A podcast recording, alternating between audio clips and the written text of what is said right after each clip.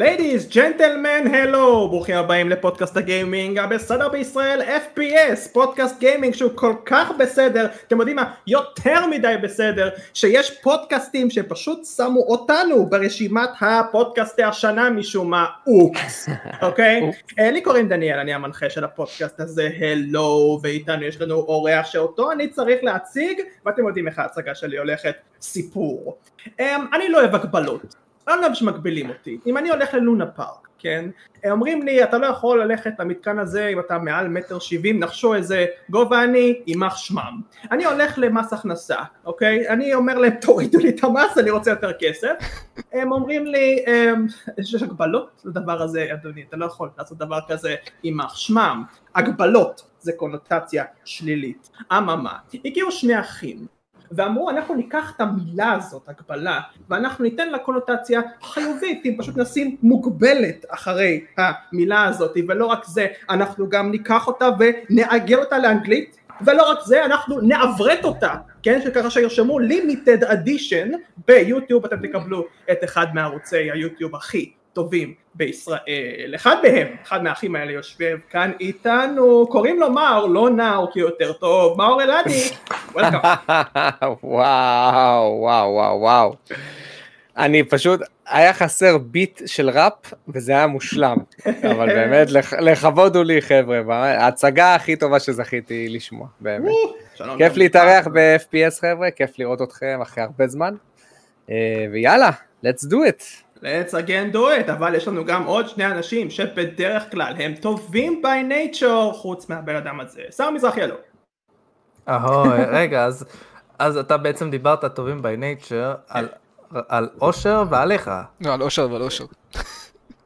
על, על, על שני האושרים. אושר ובניו. אושר שמיר, שלום. אושר ואושר. שלום, שלום, שמח להיות כאן, מרגיש שיש לי אנרגיה, יש לי דחף. יאללה. אנחנו באים לפה.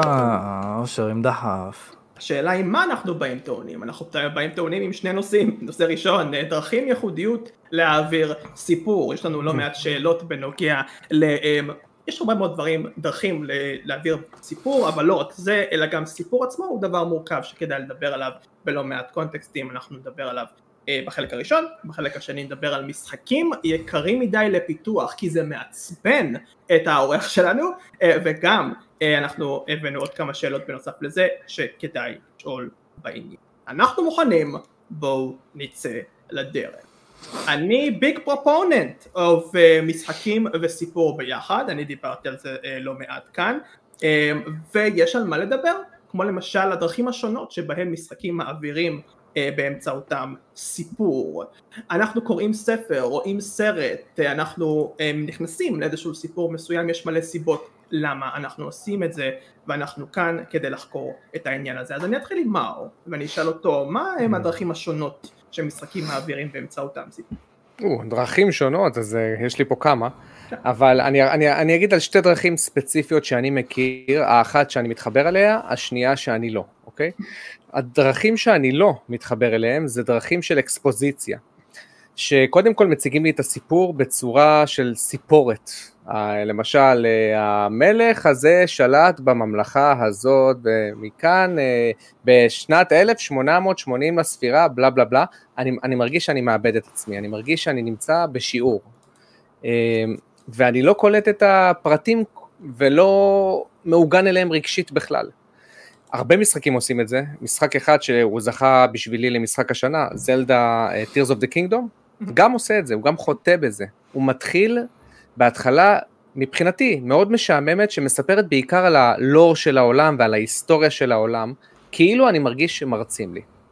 זה דרך של סיפור שאני ברמה האישית פחות מתחבר אליה, אני מכיר דווקא אנשים שכן מתחברים אליה, יגאל אם אתם מכירים מאיפה הצ'ק פוינט, הוא דווקא מאוד אוהב לור של, של, אה, של משחקים, הוא מאוד אוהב לחקור את ההיסטוריה של עלילה ומה היה לפני ולעשות את החיבור ואת ה connection בין הדברים. לי ברמה האישית זה פחות, זה, זה פחות מעניין ואני מאבד את עצמי פשוט ככה. דרך סיפור שאני כן מתחבר אליה זה דרך סיפור שקודם כל מועברת באמצעות דיאלוגים בין דמויות, זה דבר ראשון, ודבר שני כשלא מספרים לי את הסיפור אלא הסיפור הוא מרומז על ידי הדיאלוג המאוד טבעי בין הדמויות עצמם. למשל, אני יכול להגיד, אה, סער, עוד פעם באת עם חולצה אדומה? משתמע מכך שסער תמיד הולך עם חולצה אדומה. אבל אני לא אומר את זה לצופה, in your face, סער הולך עם חולצה אדומה כל יום, אלא פשוט יש פה דיאלוג שהוא מאוד אה, טבעי ביני לבינו. עכשיו, למה דיאלוג אותי קושר יותר רגשית? כי ככה אנחנו מדברים, ככה אנחנו מתנהלים ביום יום שלנו, אז בגלל שאנחנו רגילים להתנהל ברמת דו-שיח שהיא מאוד טבעית, אה, אז אני מוצא שאני יותר מתחבר לעלילות שמועברות בצורה הזאת. אני חושב שזה גם קצת מפעיל יותר את יצר הסקרנות במוח. בניגוד לעלילה שבאה ומספרים לי הכל ומפרטים לי את הכל, אז, ואני לא צריך להתאמץ יותר מדי, כי יש לי כבר את כל המידע מונגש, בדיאלוג שלי עם סער, הייתי צריך קצת להתאמץ ולהגיד, אה, ah, סער תמיד הולך עם חולצה. בגלל שקצת, לא, אני, כמובן שאני מציג לך דוגמה מאוד בסיסית, כן, עם חולצה אדומה, סליחה. זה אומר שאני גם אוהב אדום, אתה מבין? אה, אה, בדיוק. נכון. כן. אז, אז בגלל שהייתי צריך קצת להפעיל את המוח בצורה שהיא אינטואטיבית, קצת נשאפתי יותר לעלילה ולדמויות עצמן. ואם מצליחים לשזור את זה בדיאלוג בין הדמויות ובכך לבנות את העלילה כשהיא לא in your face אלא מרומזת על ידי העברת אה, מסרים דרך הדיאלוגים, לדעתי זה הדרך הכי טובה. המשחק, אחד המשחקים שעושה את זה הכי טוב זה Last of Us, דרך אגב. Last of Us, הוא לא אומר לך, קרתה מגפה של טה טה טה טה וכל התושבים אלא וואי, מה אנחנו נעשה עכשיו? אוי, לא, כל התושבים אה, תוקפים אותנו, מה אתה מציע שנעשה? ואז אתה מתחיל להבין מה קורה, אתה, אתה מחבר את הפאזל בעצמך. אז זה בשבילי דרך של העברת סיפור שהיא מצוינת, מאוד קשה לעשות אותה, מאוד קשה, כי אתה צריך לבנות דיאלוגים שיישמעו טבעית, ואתה צריך לבנות גם אה, רמה של דו שיח שהיא תהיה הגיונית בין שני דמויות, שכל אחת תבנה את הדמות. מאוד קשה לעשות את זה. ספציפית בעולם המשחקים זה מאוד בעייתי לעשות את זה, כי אתה גם צריך לשלב סיפור וגם gameplay, וכאילו אתה צריך אנשים שיכתבו script כאילו ברמה של סדרות, כשסדרות בעצמם הרבה פעמים כושלות בזה, כאילו, תמיד כשאני רואה נכון. סדרה והדיאלוגים שם טובים, זה, זה, זה מה שקונה אותי, לא אכפת לי אקשן, דרמה, זה כאילו, אם הדיאלוגים הם טבעיים והם הגיוניים, זה כזה, או, זה כזה מעניין. בול. כאילו, השתי, כאילו, השתי משחקים שעלו לי לראש כשאמרת את זה, אחד משחק אחד אה, רציתי להציג אותו, אה, הזכרתי אותו פעם וגם יבגני מאוד אוהב אותו, אה, Valhalla Cyberpunk, Bartender Action, יש לו שם ארוך, אבל זה המשחק הזה שאתה משחק בתור ברטנדר ובאים אליך לקוחות, ואתה מזיג, מכין להם משקות וזה, ואז פשוט הם מדברים אליך מתוך, מתוך הסקרנות, ומתוך מה שקורה בחוץ, והשיחות מאוד טובות באופן טבעי, ואתה לאט לאט מבין מי אתה, מה זה העולם הזה, וזה מאוד מאוד כיף וזורם, במיוחד שיש שם אה, סופים שונים, שחלק מהם זה נטו מאיך אתה מוציא את הכסף שלך ואיזה אלכוהול אתה מביא ללקוחות. ויש משחק nice. שנעשה בהשראת המשחק הזה שנקרא קופי טוק, שאני מאוד לא אוהב אותו, כי כמו שאתה אמרת, צריך לדעת איך לעשות את זה, ואני חושב שבזה המשחק הזה נכשל, כי הדיאלוגים מאוד מרגישים עם פואנטה, מרגישים, זה לא שיחה טבעית, הם מנסים להגיד משהו, יש לזה, וכזה... on the nose, on the nose. כן, on the nose, וזה מאוד okay. כן. אה, ביאס אותי הקטע הזה. כן. אה, אני אתן עוד, עוד כמה אה, דרכים להעביר סיפור. אה, יש משחקים למשל כמו אה, משחק שנשחקתי עכשיו, Phantom Detective, לא, Ghost Detective Phantom Tricks, שחבר המליץ לי עליו, שאתה... Ghost Trick, Ghost Trick. כן. שיחקתי בו כשהוא יצא ל-DS. אז עכשיו יצא לו רימייק, וזה שיחקתי בו, כאילו, משחק ממש יצירתי. כן. אז זה משחק שמאוד אהבתי את הצורה הזאת, וגם כאילו, בדומה למשחקים נוספים, משחקים של דטקטיבס, כאילו, אתה כאילו מגלה מה כבר קרה, אתה מגיע ל... לסצנה שכבר רצחו, הרגו פריטים מפוזרים, ואז אתה אוסף את הפרטים ומבין כאילו בעצם מה קרה, וזה בעצם מאוד מעניין, כי אתה גם צריך להפעיל את המוח, וגם אתה בונה את הסיפור אה, על הדרך, ובדרך כלל עוזר לאנשים כאילו להתקדם בעקבות זאת. אז אה, זה דרך שאני מאוד אוהב. אה, אני, אני גם, אה, איך אני אומר את זה? מאוד אוהב שיש לך משחקים שמבוססי סיפור, אני מאוד חולה על משחקי מבוססי סיפור, אה, כי ברוב המשחקים לא באמת אכפת לי מהסיפור של כולם, בדרך כלל יש משחקים שיש שם כל כך הרבה דיאלוגים ולא שכאילו, תעזבו, תיתנו לי את ה... אה, ה route הזה הספציפי, הדמות הזאת הספציפית שאכפת לי ממנה, ספרו לי עליה הכל ואני אהיה מבסוט. אני אקח אה, דוגמה למשחק שיצא דווקא מזמן, ולא מזמן יצא לו remaster, קוראים לו אה, Trials of Mana, באנגלית זה, או ביפן זה Seiken Densetsu שלוש אני חושב. אה, ומה שמעניין בו זה שאתה לא בוחר דמות אחת לשחק איתה, אתה בוחר שלושה דמויות, ובתחילת המשחק אתה אה, לאט לאט מצרף עוד ועוד דמויות לסיפור שלך, ואתה חוקר את הרקע שלהם, ואת הדמויות של שאר הדמויות במשחק, או שאתה לא חוקר בכלל, או שאתה רק חוקר בתור, אפשר להגיד, גורם עוין, כאילו אתה בא לפלוש להם לממלכה או לא יודע מה. וזה טייק שאני לא, לא ראיתי כאילו כמעט בכלל, כאילו, לפחות לא במשחקים שאני שיחקתי. וזה משחק Mm. שעשה את זה כבר לפני 20-30 שנה. נשמע. יפה, לא ספק. כן, סער? הוא... אה, סליחה, מה? יש לך משהו? לא, הוא... כ- כאילו, מה שמיוחד ב Trials of Mana, לפי מה שאתה אומר, זה שהוא הביא שלוש דמויות שאתה צריך לעקוב אחריהן, ולא דמות אחת? שלוש דמויות עם כל, כל, כל אחת עם sub plot משלה? אפשר להגיד, כן, הקטע של מה שקורה ברוב המשחקים, זה שלא משנה איזה דמות אתה לוקח, היא מתחילה באותה נקודה. ושפשוט כאילו, אוקיי, לו יש כוחות כאלה, לו יש כוחות כאלה, אבל פה זה שונה. פה כל. דמות אשכרה מתחילה בממלכה שממנה הגיעה. מעניין. פליץ. לפני זה, אה, בוא נקרא רגע מה מירון אה, קריספי אומר. אחלה קריספי, איזה שם, יאללה, איזה שם. בלדרס גייט הכי טוב כיום בהצגת העלילה. אה, מעניין, מעניין. האמת שאני חייב לה- להמשיך אותו עוד. אה, כאילו, כאילו עלילה מעניינת, אבל לא יודע לגבי הדבר הזה, והוא אומר גם, אני עוד זוכר את הימים שהיו משחקי FVM, כן. שזה בעצם היה סוג של סרט אינטראקטיבי. אז זה FVM? מה, פול וידאו? מיוזיק?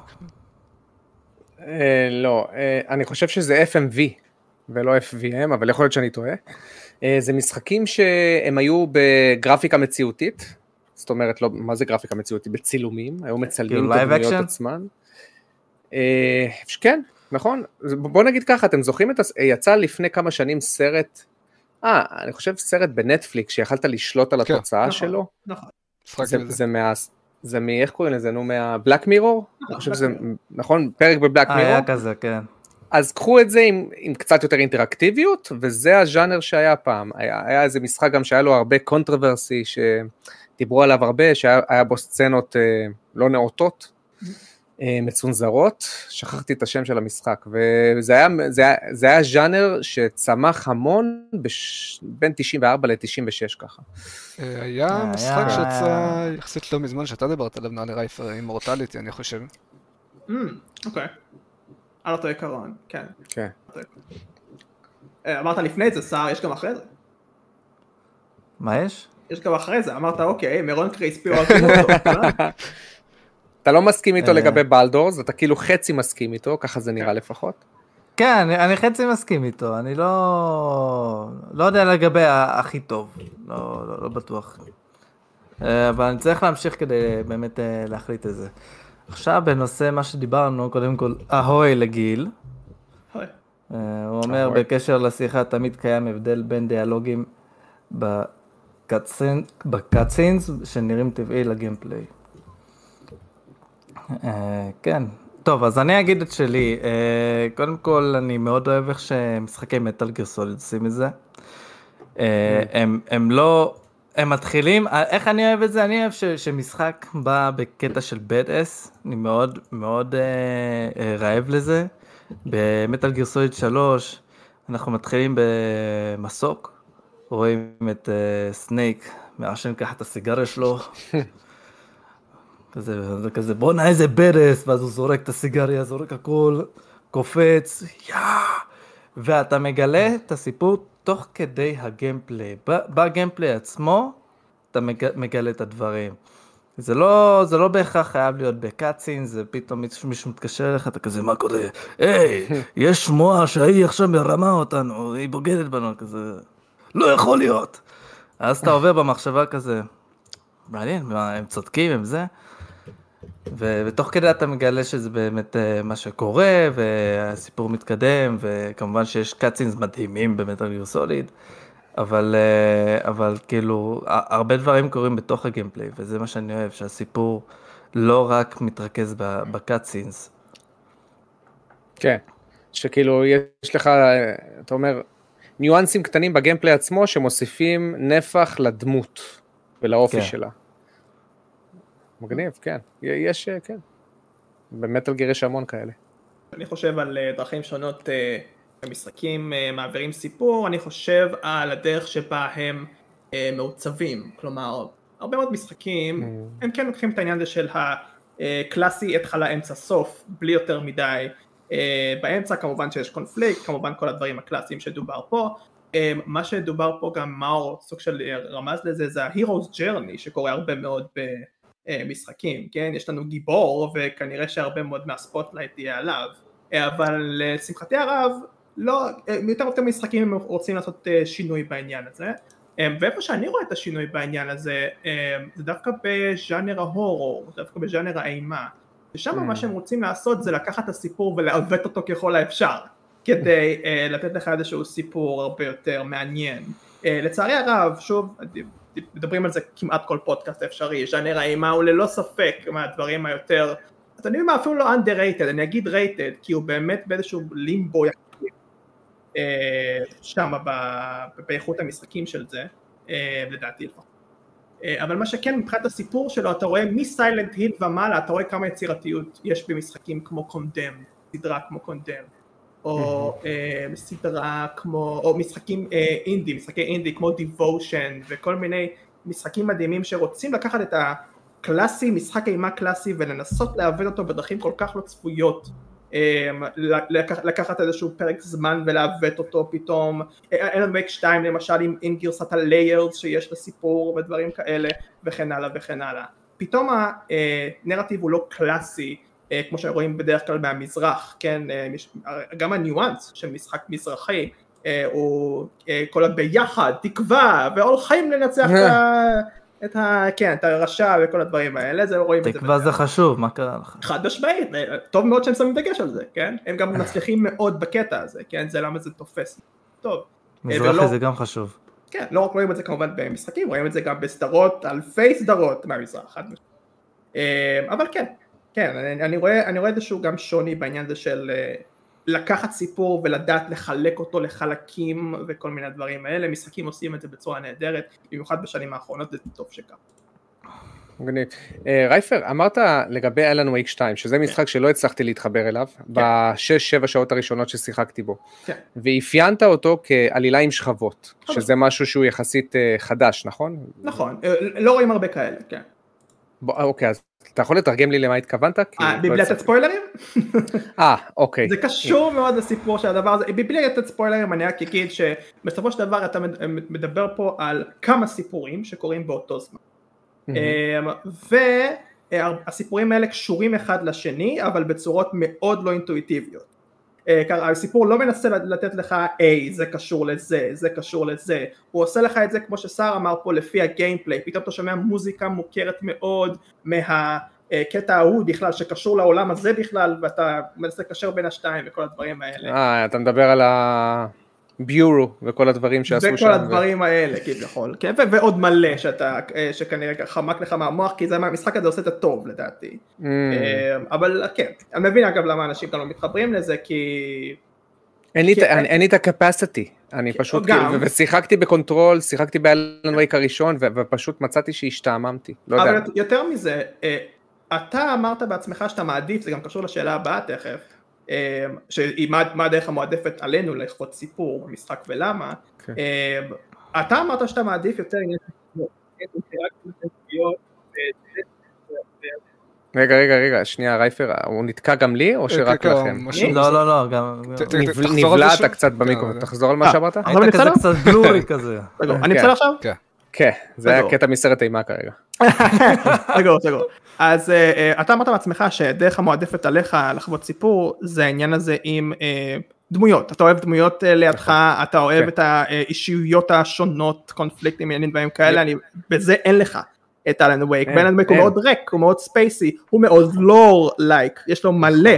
תכנים של lore like, שאגב אני חולה על זה, אני יגאל בעניין הזה, בתכלס, אז זה למה אני יכול להבין אותך.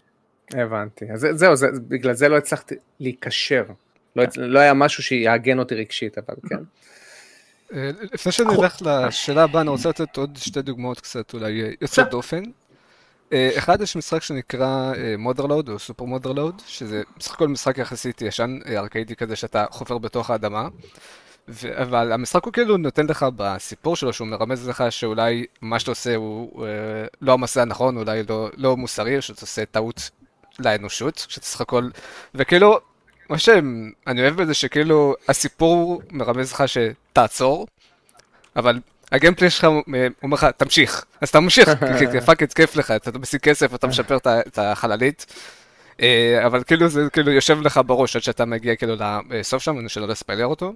וזה במובן מסוים גם מקשר את עצמי לגריים. אני לא שחקן כל כך של משחקי סולס, אבל אני יודע שיש שם דרך מאוד אה. כאילו יוצא דופן להעביר אה, סיפור במשחקים האלה. כאילו כן הרגשתי את זה אה, בגריים, שאתה מתחיל להבין את העולם מאיך שהוא בנוי, ומהמפה, מהשלבים, מה-NPCs אולי. אה, ואז כאילו אולי אתה בעצם כאילו שואל את עצמך, am I the bad guy כאילו, ורק כשאתה מגיע כבר לסוף המשחק אולי, כשאתה כבר מתחיל אה, לעשות מעשים מאוד אה, אסטרונומיים, אז אתה מבין את אה, גודל האסון. האסון, אבל האסון הוא בלתי נמנע. אה, לא, לא בטוח, כי יש שם, יש שם שינויים טובים, אז כאילו, יש לך, יש לך מקום ל- להשפיע. אה. זה מזכיר לי את המשחק האינדי שאני שוכח את השם שלו, שהוא מושפע מ-Earthbound. אה, הוא, יש לו, הוא לקח המון Undertale. השראה מה... אנדרטייל, יפה. אה, ש, שאפשר להגיד שזה סגנון עלילת חוש שישי, אני קורא לה.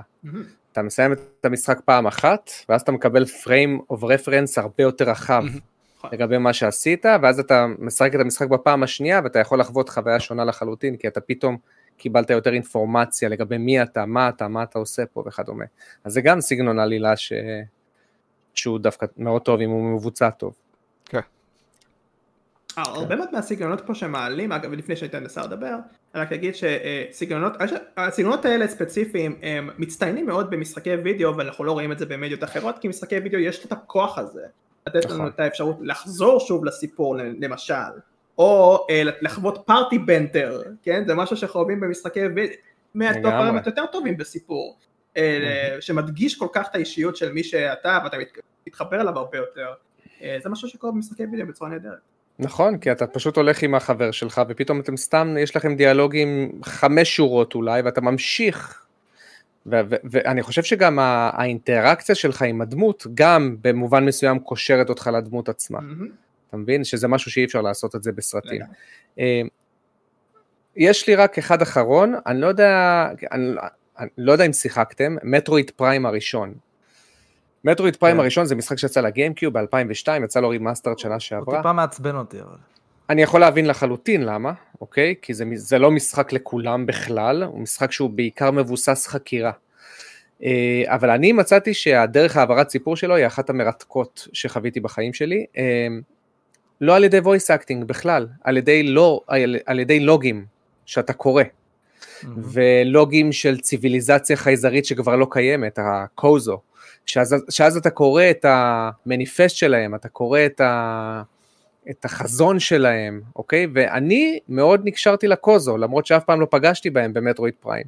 וה, ה, הם, הם כתבו את זה בצורה שהיא ממש טובה וממש משכנעת. כאילו אם אני יודע שאני הולך לחקור כוכב נטוש, ככה בדרך כלל תישמע ציוויליזציה שנכחדה, כאילו זה הדברים שהם ישאירו.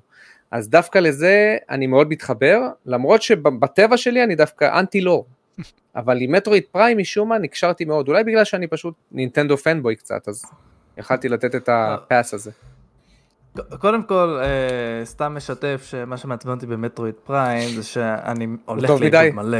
לא, אני אה. הולך לאיבוד מלא, מלא, ואני לא יודע מה, מה, אוקיי, מה אני צריך לעשות עכשיו? יש? לך את ההינט סיסטם, טה-טה-טה-טה, שנותן לך הינט, ואז אתה יודע לאן ללכת פחות או יותר. לא, לא עזר. אה, לא, לא, לא בדיוק עזר לי. לא, אני אוקיי. כזה, מה זה האינט המטומטם הזה? עזוב את זה. אני, אני רוצה לדבר קצת, אה, אה, עוד שלילי אני מדבר שלילי. אה, ולדבר על, על משחק שיצא לפני יומיים. סיילנט היל שורט. מסאג' והוא הוא מעביר את הסיפור כל כך גרוע. הוא מתחיל אה. קודם כל בכך שהילדה הזאת מדברת, אף אחד לא אוהב אותי וזה לא, לא, לא כיף להיות בקבוצה, אני צריכה להתמודד לבד וזה וזה, ואז אתה מתחיל את המשחק בטקסטים. אוקיי, אתה מתקדם עכשיו, ואז, ואז כאילו מתחיל להיות איזה מתח, אתה מתחיל לרוץ, פתאום הכל נעצר, ויש טקסט בטלפון. אני, מר... אני רץ, עכשיו יש מתח, מה אתם עוצרים לי את המתח? ואני צריך לקרוא אה, טקסט שלי של ילדות מטומטמות, מה אני צריך לעשות את זה? למה? בשביל מה? בשביל מה? מה זה טוב? ב... מה? למה זה טוב? שום דבר לא מעניין במשחק הזה, הכל זה, זה, זה דיכאון, ומה עוד גם מביאים לי קטע של, כמו שאמרנו מקודם, live action, מישהי פתאום, אה, הילדה שדיברו עליה, פתאום רואים אותה במציאות, ולא רק זה, אתה שומע אותה באנגלית, אבל זה דיבוב אנגלית, היא מדברת ביפנית, ואתה רואה את השפתיים לא תואמות ב shit. אה, אוי. איכס, אוקיי? לא אוקיי? זה משחק כל כך מעפן, שהבנתי שהוא שעתיים, אני לא הצלחתי לעבור את כל השעתיים האלה. לא הצלחתי, עזבתי אותו, בשעה הראשונה עזבתי אותו, איכס. באמת, נוראי. אה, מבאס לשמוע. נכון, נכון, אני מאוד כן. אוהב ציינטיל, וזה פייס לי את התחת. אה, עכשיו משהו חיובי, אה, ש... שמאור אה, הזכיר לי משהו ממש מגניב, אה, זה כן גם איתה לסטובס, אבל פארט 2. שיש יש מכתבים, ובהרבה משחקים אני לא אוהב לקרוא, כמו משחקי סולס, אומרים שכאילו זה סיפור ממש טוב, אתה רק צריך לקרוא את כל הספרים שיש שם? לא, לא, לא תודה. אבל שם בדאסטובס אתה, אתה קורא את, את, את המכתבים וזה ואתה רואה את זה גם כאילו, כאילו, תוך כדי, אתה קורא על איזה ארבעה, ארבעה אנשים שברחו מ... מאיזה, מאיזה מקום שהם היו, מאיזה כנופיה שהם אה, חברו לה, הם ברחו, ברחו, ואז כאילו אתה, אתה מוצא את האנשים האלה, אתה, אתה קורא, אה, בוא נלך לשם וזה, ואז אתה מגיע למקום הזה ואתה מוצא אותם ונלחם בהם, זה היה ממש מגניב. נכון, כן, גם, גם זה לא היה too much בלאסטופס, נכון. זה היה... spaced out כמו שצריך. אה, בוא נדבר. מבחינתי לך הסיפור, כן. אני איתך, כן? אבל אה. ה gameplay משובח, תמיד אני אגיד את זה. ברור. תמיד, עוד פעם אנחנו גולשים ל Last of Us, אני יודע שיש פה היסטוריה ארוכה עם Last of Us, אבל תמיד אמרתי gameplay, לדעתי אחד הטובים ששיחקתי, אה, עלילה מבולגנת. לא יודע אם מישהו לא יסכים איתך בזה, לא יודע אם... נראה לי כולם מסכימים בעניין הזה. כן. אנחנו פה מדברים על אה, סיפור רע ו gameplay טוב, יש לנו שאלה שאומרת בדיוק הפוך, האם יש משחקים שהסיפור משך אתכם אבל הגיימפליי דווקא אכזב? אה, על דעתכם גם. בטח, אז אני אתחיל. אה, קודם כל, ה-recent example זה GTA 5. Mm. כן, וואו. התחלתי אותו לפני חודש בערך. וואו, אוקיי. נזכרתי. והגיימפליי בו הוא מאוד בסיסי, הוא מאוד בסיסי, מסביר. העיצוב משימות שבו לדעתי borderline שבור. אה, יש, קודם כל הקטעי checkpoint הם מאוד רחוקים אחד מהשני, והמבנה משימות הוא מבנה משימות ליניארי style Uncharted, זאת אומרת אתה עובר מקטע סינמטי אחד לקטע סינמטי אחר, ואתה כאילו משתתף בסינמטיות הזאת באופן אינטראקטיבי. אממה, אם אתה נפסל באמצע, אתה צריך לחוות את כל המשימה מההתחלה עד שאתה מגיע ל mid checkpoint. מבחינתי זה עיצוב משימות שהוא שבור, אה, מהסיבה הזאת, ומהסיבה השנייה שאין חופש פעולה במשימות עצמן, אין. זאת אומרת, אם אתה קצת סוטה מהמשימה ונגיד הורג בסדר לא נכון, או קצת אה, אה, עוזב את המתחם, או אה, עושה משהו בסדר שבו המפתחים של המשימה לא ציפו שתעשה אותו, מישון פיילד. דוגמה הכי בסיסית, היה לי, אני זוכר קטע שהייתי צריך למלא מים שלם, אה, סליחה, למלא בית בבנזין. כן. אוקיי, פשוט לשפוך בנזין על כל הבית לאט לאט לאט, ויש לי, מכיר את זה. כן. אחת הדמויות המצחיקות. אמ, ויש לך נקודות שאתה צריך לסמן, אוקיי? יש לך, סליחה, נקודות שמדריכות אותך לאן ללכת, אוקיי? אז אני מילאתי את כל הבית ופספסתי נקודה אחת. לא יכלתי לעשות uh, טריגר לסיום המשימה עד שלא חזרתי לקומה התחתונה, שתי קומות למטה, ושפכתי את הבנזין האחרון. עכשיו, זה מבחינתי, זה פשוט אלגוריתם. נא למלות 70% מהנקודות שווה משימה אה, הוצלחה כי אני, אני לא מאמין שהבנזין לא יידלק אם אני לא אמלא את הנקודה הספציפית הזאת.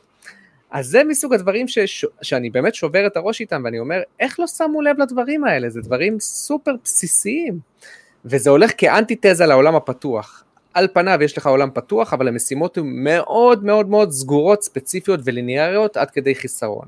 אממה, העלילה מצוינת לדעתי. אה, כל דמות היא דמות. אה, יש לך את מייקל, יש לך את פרנקלין, אתה רואה, אני זוכר את השמות, ולא קורה שאני זוכר שמות, אם אני זוכר שמות זה כי הדמויות עשו עליי רושם. כמובן טרוור שהוא פשוט אניגמה אחת בפני עצמה, אה, וכל דמות יש לה מה להוסיף, מה להגיד, ובוא נוסיף גם את המאפיינים שיש לעולם. אני מצאתי את עצמי יושב חצי שעה וצופה בטלוויזיה. ב American Idol המשוגע ש- שיש שם, עם כל הבדיחות אחד על השני. כן.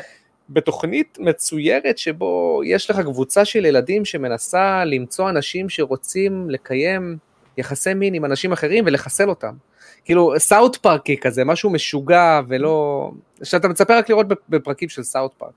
אז כל המסביב של המשחק והעלילה שלו והדמויות והתוכן וה banter הוא borderline perfection מבחינתי. ה gameplay? oh my god כמה שהוא גרוע. כאילו, עוד פעם, אני מדבר ספציפית על העיצוב משימות. עיצוב משימות הוא גרוע ביותר, אה, וזה, וזה לרמ, זה מגיע לרמה שאני, קשה לי להמשיך לשחק במשחק הזה. למרות שאני מאוד מסוקרן לדעת מה קורה בסוף עם Trevor ועם Michael. אז זו דוגמה ספציפית. אושר סער, תנו לי דקה, אני מבקש ממך את ה-GTA, אוקיי? אה, דקה אחת. כן, כן, לרייפר יש קטע של GTA. כן. כן, אני- אוקיי. אני- אני את GTA זה הסדרה הכי אהובה עליי, ואני אה, אני רוצה להגן בק- בקטנה על אה, Rockstar אה, בנוגע לעניין הזה של סיפ- אה, של אה, עיצוב משימות. אה, Rockstar חוותה טראומה עם GTA 4, אה, כאשר כל המשימות ב-GTA 4 ביינן היו משעממים תחת. Um, במובן הזה שלא היה בכלל production value בו בעליל, היית הולך לאיזשהו מקום, היית כנראה יורה בכמה אנשים וזה היה 90% מהעיצוב משימות של uh, GTA 4. ב-GTA 5 הם uh, ראו כמה הריספשן היה מאוד מאוד גרוע לעניין הזה, אז הם אמרו טוב, אנחנו עוד מההתחלה עם המשימה הראשונה שלך, שאתה עושה שם אתה בעצם לוקח אה, מכונית עם פרנקלין נכון? אה, יש לך את הבנק קודם כל נתחיל מזה, נכון. ואז יש לך עם פרנקלין יש לך ישר את הספיד צ'ייס על השלג. נכון מאוד. מההתחלה אתה כבר רואה, אנחנו לוקחים את הטראומה הזאת ולגמרי מנסים לעשות הפוך מכל העניין הזה. כן, אז זה כביכול הכיוון שהם באו וניסו לעשות את זה. אמ, הדעה שלך היא דעה מאוד מעניינת, אני גם מאוד מאוד מעריך אותה, כי אתה אומר דברים נכונים. אמ, מן הסתם, ה reception די גרם לכך שכל הדבר הזה בסופו של דבר ייקח אה, איזשהו light חיובי. כן, אנשים מהמם. אהבו את זה, אנשים מאוד מאוד אהבו את זה שישר אתה נכנס לאקשן ויש עוד מהאקשן הזה כביכול. אה, כן. אה, אה, עוד פעם, אני איתך, אני בעד זה, דרך אגב, ההתחלה של המשחק היא פנומנלית לדעתי, זה, פפ, אתה נכנס לשוד ואתה עושה דברים אה, ממש מגניבים, ואתה אתה ישר נכנס למתח. Yeah. הבעיה שלי ספציפית זה אם, כאילו, עוד פעם, אני מגזים, כן? אני אתן לך עוד דוגמה. היה לי קטע שהייתי צריך ליירט כמה אויבים, אוקיי? הייתי צריך לשמור על אה, אחד מהמסוממים של טרוור, כן, ש-. שהיה צריך ללכת, יפה. והוא אומר לי, היי, הוא נמצא שם, הוא נמצא שם על הבניין. עכשיו יש ארבעה בניינים. אני לא יודע לאיזה בניין ספציפי הם מתכוונים. ואני נפסלתי במשימה הזאת איזה ארבע או חמש פעמים, כי פשוט לא ידעתי מה כוונת המשורר. ואז הייתי צריך ממש לסקור, לסרוק עם העיניים פיקסל פיקסל, אוקיי? את הבניין הזה אף, אף אחד לא נמצא, להיפסל, בניין הזה אף אחד לא נמצא. זה הרבה פעמים אני מוצא את עצמי שאני מחפש להבין את השפת, את השפה של המפתחים ב-GTA, וזה מה שמתסכל אותי עכשיו. יכול להיות שזה רק אני, כאילו, יכול להיות שאני במיעוט. ויכול להיות שרוב האנשים הבינו, מאור, תקשיב, הוא אמר לך בבניין, זה היה, נכון, זה לא היה בדיוק מולך, אבל זה היה קצת לצד ימין, אז היית צריך להסתכל צד ימין, לא היית צריך להסתכל לצד. שמאל. יכול להיות שיש אנשים כאלה שאומרים לי, כאילו, מאור, איך אתה לא מבין את ה-inner logics, אבל אני לא. אני הייתי שמח אם היית מסמן לי, או אם היית אומר לי, מאור נמצא בבניין X ו- וקצת מפרט לי אותו. אז זה עוד, עוד, עוד משהו שפשוט קשה לי איתו, זה, זה לא המשימות עצמם, אני מאוד אוהב אקשן, אני מאוד אוהב את האקשן ואת הסטייל הסינמטי, את הסטייל הסינמטי ואת הכיוון שהם הלכו לשם. זה פשוט החופש שאין לך בתוך המשימה עצמו וה, וההדרכה. זהו. זה גם לא מתנגש אחד עם השני, זה... כן, כן. בכלל לא. כן, כן. אנחנו מדברים פה על אותו דבר, כן, לגמרי, לגמרי, כן. סגור. אושר, פליז. טוב, אז כאילו יש שני כיוונים לשאלה הזאת, או משחקים שהסיפור שלהם טוב והגיימפליי לא, או סיפור ש... משחקים שהגיימפליי שלהם לא טוב והסיפור לא, אם אמרתי את זה נכון. אה, עכשיו את הדוגמאות שלי אתם פחות או יותר אה, מכירים, אבל אני אציג אותם אה, שוב בקצרה. אה, שתי משחקים שיש להם דגש מאוד גדול על הסיפור, וגם מבחינת הנרטיב הסיפור שלהם אה, מעניין, ואני אוהב את הגיימפלי שלהם, זה Hellblade ו Control. אה, אני ארחיב בקצרה מה אני לא אוהב במשחקים האלה. אני כאילו מרגיש שכאילו הם ניסו להכניס, כאילו במיוחד ב Control, הם ניסו להכניס הרבה מכניקות, הרבה מכניקות שאולי גם נעשו במשחקים קודמים, אבל כנראה בחברה הזאת ספציפית הם לא יצא להם להתנסות איתם יותר מדי. כי אני פשוט מצאתי הרבה מאוד, אפשר להגיד, פאקים וחוסר איזון, וכאילו, לא חשבו על הדברים עד הסוף. אני כל הזמן שאלתי את עצמי, כמה ה-QAים עשו למשחק הזה, איך יכול להיות שהם הוציאו את המשחק במצב הזה. אה, ואותי זה, זה אכזב, כאילו, אה, אה, סקרתי את זה כמה פעמים, אבל כשאני שחקתי Control, הלכתי על בעיקר close range combat, כי אני אה, לא שחקן FPS, אני לא אוהב לכוון ולהתקמפר וכל זה, ובאופן רציף המשחק העניש אותי על זה. כל פעם שבאתי מקרוב, אני מקבל מלא נזק, מרביצים לי, הורגים אותי. ברגע שהתחלתי לשחק מרחוק, לקחת את הסנייפר, שלא כל כך שדרגתי אותו אפילו, לא, לא השקעתי בו לא כלום, מנצח. אז וואלה, אה, מבאס, גם חלק מהכוחות לא יצא לי לנצל אותם אה, כמו שצריך, או לא לנצל אותם בכלל, כי לא היה בהם צורך. הלבלייד, אני חושב שזה משחק מאוד מעניין מבחינת סיפור, בגלל זה אה, סיימתי אותו למרות שסבלתי מכל רגע. אה, בעיקר בגלל שהמשחק הוא מאוד מאוד רפטטיבי, הוא מאוד מאוד לא מתואם למי שמשחק במחשב, רואים בוודאות שזה משחק שנועד לקונסולות או לבקר לפחות. אה, וגם הוא מאוד מאוד א- איטי, אתה יודע מה אתה צריך לעשות, אתה יודע איך לפתור את הפאזלים, והדמות כאילו היא על גבול הזוחלת, גבול הזוחלת. אה, ושתי משחקים שאני אוהב את הגיימפליי אבל אוהב את הסיפור. אחד זה Doki Doki Literature Club, שזה מאוד משעשע, כי בשביל visual novel, האלף בית זה לאהוב את הסיפור, אבל מה לעשות ש... כן. אה, הסיפור שם הוא לא כזה וואו, במיוחד שהוא לא מגיע לאשכרה סוף, אלא הסוף שלו זה פשוט סוף אה, שקשור ל gameplay בלי ספלר יותר מדי, ומה שכן כנראה כיף בו זה כל הטריקים והשטיקים והאימה וה plot twist ים. Mm. אה, ועוד משחק, מורטל קומבט 1, כאילו זה לא שהסיפור רע, אני פשוט לא אוהב את הקטע הזה שבשנים האחרונות אה, יש דגש מאוד גדול על משחקים עם טיים טראבל ומולטיברס וכל בדיוק. הדברים האלה, וזה היה צפוי וקלישאתי, ואני כזה, הרסתם את זה. כאילו, אני יודע שזה סוג של ה-theme של המשחק שמראים אותך בהתחלה, שהוא משחק עם אה, שעוני הזמן וזה, אבל הם יכלו איכשהו להציל את זה שזה לא יהיה קלישאתי. לגמרי, זה, זה ה bail-out מבחינתי ה multiverse, זה פשוט bail-out. אתה לא צריך ל- לשמור נאמנות לשום עלילה ליניארית, יש לך פשוט multiverse אז. כן, מסכים איתך. סער? טוב, אז uh, יש לי פה את מאון קריספי, ש... ש... הוא- איך, איך המשחק. מרון קריספי?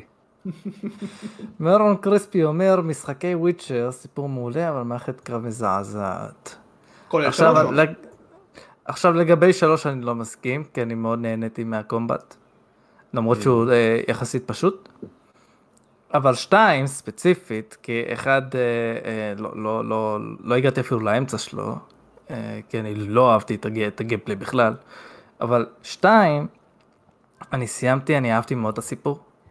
אה, הוא מאוד אה, משך אותי באיך שעשו את זה, ואיך שכל הדיאלוגים, איך שנכתבו, הרגיש לי ממש, אה, ממש טוב, אבל הקומבט, וואו, אני, אני עזבתי את המשחק הזה איזה שלוש פעמים רק בגלל הגיימפליי. אה, הוא, הוא, אני אפילו, אני, מה, מה שהחזיק אותי בגיימפליי זה רק הדבר הזה ש, שאתה עושה להם סטן, ואז uh, אתה מרביץ, ויש איזה קטע שהוא כאילו עושה לך finish move אוטומטי, וזה נראה מגניב. רק בגלל זה הצלחתי לסיים את המשחק. רק, אני, אני בן אדם שאם ה gameplay לא טוב, אני ככל הנראה לא אסיים אותו. אני גם כזה. אז, אז כאילו, זה פשוט איכסה ופיכסה ולא אהבתי. אוקיי. אה, נרשום את זה על מר- הבוקס ארט של המשחק. איכסה, פיכסה, איכסה, לא. איכסה פיכסה לא אהבתי. אה, מרון קריספי אומר מה עם אלן וייק, אה, דיברנו עליו בעיקרון. נכון. כן. אה, שיחקתי ב- בראשון פעם, ושוב פעם, לא סיימתי אותו בגלל שהגיימפלי שיימם אותי. אה, אולי גם הסיפור, אני, אני לא מתחבר לכל המשחקים האלה, ש- שכאילו, אני מרגיש בכוח שהם מנסים להיות כמה שיותר הזויים. זה היה לנו- אני לא, אני, אני לא, גם Control ככה, אני כזה, נו, מה כן. עכשיו? זה Remedy. כל הדברים המוזרים האלה, זה Max Payne אגב, שאתה אוהב מאוד. אני אוהב רק את השלישי. אוקיי. אה, אוקיי, אז זה אה, כבר לא Remedy. של זה Rockstar. כבר לא Remedy, לגמרי. הראשון והשני לא סיימתי אף פעם. אה, אתה שונא את Remedy. אוקיי. כנראה אני לא בן אדם של Remedy, אני עדיין רוצה, אני, אני הורדתי אה, אתמול את אה, Alan Wake הראשון, אני רוצה עוד פעם לסיים אותו כדי לעבור ל Control שאני לא אוהב, אבל לסיים גם אותו, ואז לעבור ל Alan Wake 2 שכנראה גם אותו אני לא אוהב. בדיוק. אבל, אה, אושר רוצה להוכיח לנקודה. לסבול. דווקא, דווקא אני הכי אהבתי את Alan Wake הראשון מהמשחקים של Remedy ושיחקתי ב Control בשתיים וב Alan Wake אחד. כי ד, דווקא מצאתי שה balance שלהם היה הכי טוב ב Alan Wake הראשון בין gameplay לעלילה והעלילה לא הייתה כל כך אה, חופרת ככה זה לפחות לי הרגיש. זה זה הגיוני לגמרי. זה כן. הגיוני לגמרי. אה, אני רק אגיד משחק אחד כי דיברנו פה מלא, אני רוצה לעבור גם לעבור גם הלאה, אני אגיד Deus Ex הראשון. אה, אין משחק, Mm, אין סדרה אני אגיד, שעושה אוקיי, זה. דיסטופיה. מה אה, זה ו- Deus Ex הראשון? הראשון הראשון? כי זו סדרה מאוד Invisible ישנה. War בתכלס עשה את זה ממש ממש גרוע, אם אני אלך לזה, כן. אבל הראשון עצמו גם לא התחברתי אליו מאוד, ואני חושב שה gameplay שלו בעייתי בהרבה מאוד מובנים, כולל באגים slash מכניקות שלאו דווקא עובדות, כן? scope שלו, הוא יורה בדיוק למטרה שלו. אה, שם יש את זה לא מעט. אה, אבל, אבל, אם כבר מדברים על סיפור עם לא רק, אה, לור לא רע בכלל, אבל זה יותר התמה, משחק שעושה סדרה, שעושה תמה בצורה נהדרת זה Deus Ex. מ... אחד מהראשונים, אם הייתי אומר, בעניין הזה, אחד מהמצטיינים כאילו.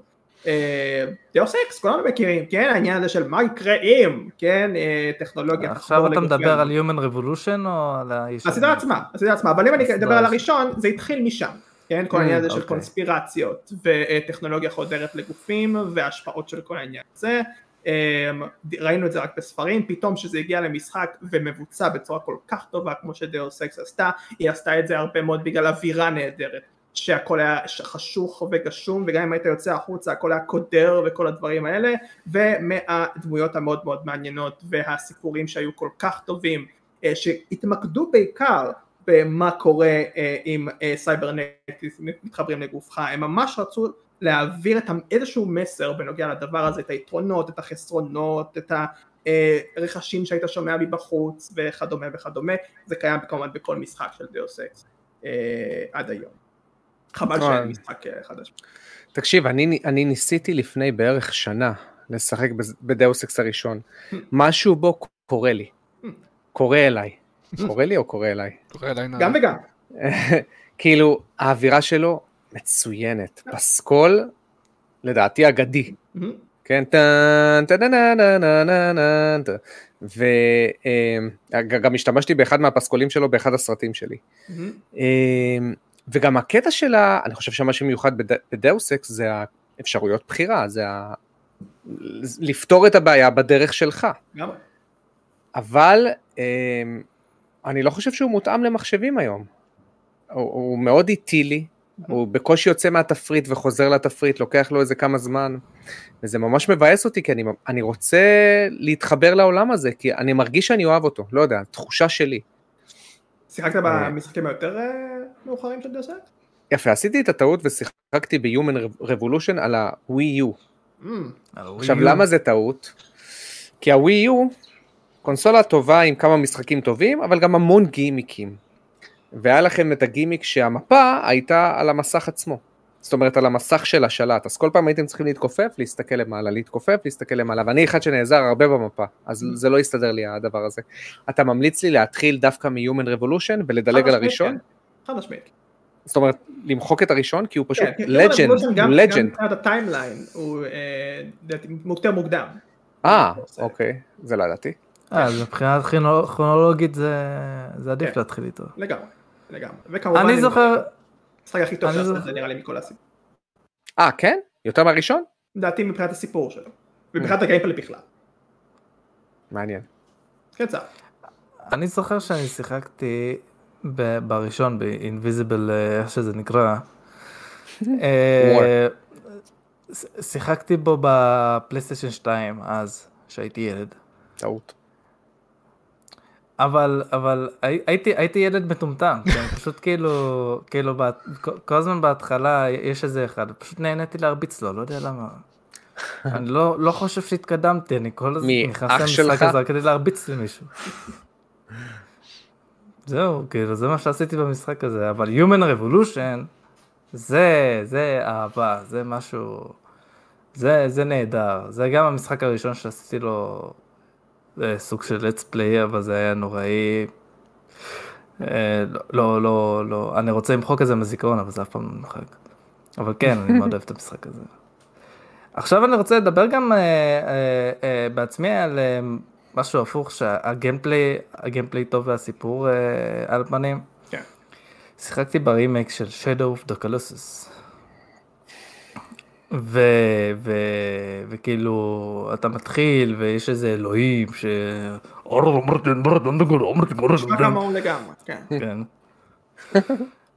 ואוקיי, טוב, ויש לך כתוביות, כאילו, "אה, אתה רוצה להציל אותה, תחסל את כל הענקים האלה. טוב. עכשיו, מה שממש אהבתי במשחק הזה, שכולו פאזל, זה נראה כאילו אתה הולך להילחם וזה, אבל תכלס, זה, זה משחק חשיבה שאתה צריך להבין איפה אתה צריך לפגוע ובאיזה טיימינג לעשות העניין ו... ו... אהבתי את, הס, את הסיפור, ו... לא את הסיפור, את, ה, את המשחקיות, איזה... מישהו מנסה להכניס לי מילים פה, לא יודע מה קורה פה. ואהבתי את הטיפוס של, של כל הענקים האלה, את הפיזיקה, הכל יפה. אבל, אבל כשאתה מגיע לסוף, כי מה זה הסיפור? הסיפור פשוט אומר לך תהרוג את כל הגדולים בסוף. ואני אני, אני לא יודע אם, אם אני רוצה לספר עכשיו, כי זה משחק אה, שאפשר לספר עכשיו, אבל, אה, אבל אתה מגלה משהו מאוד מטומטם בסוף. משהו שביאס לי את הצורה, שאמרתי, "ל- למה, למה שיחקתי? למה עשיתי את זה? בשביל לגלות את הדבר המפגר הזה? לא תודה, כי עוד פעם, מנסים להיות כמה שיותר הזויים, זה, מה שקורה שם זה אחד הדברים המטומטמים ביותר, ההזויים ביותר שראיתי, ואני Mm.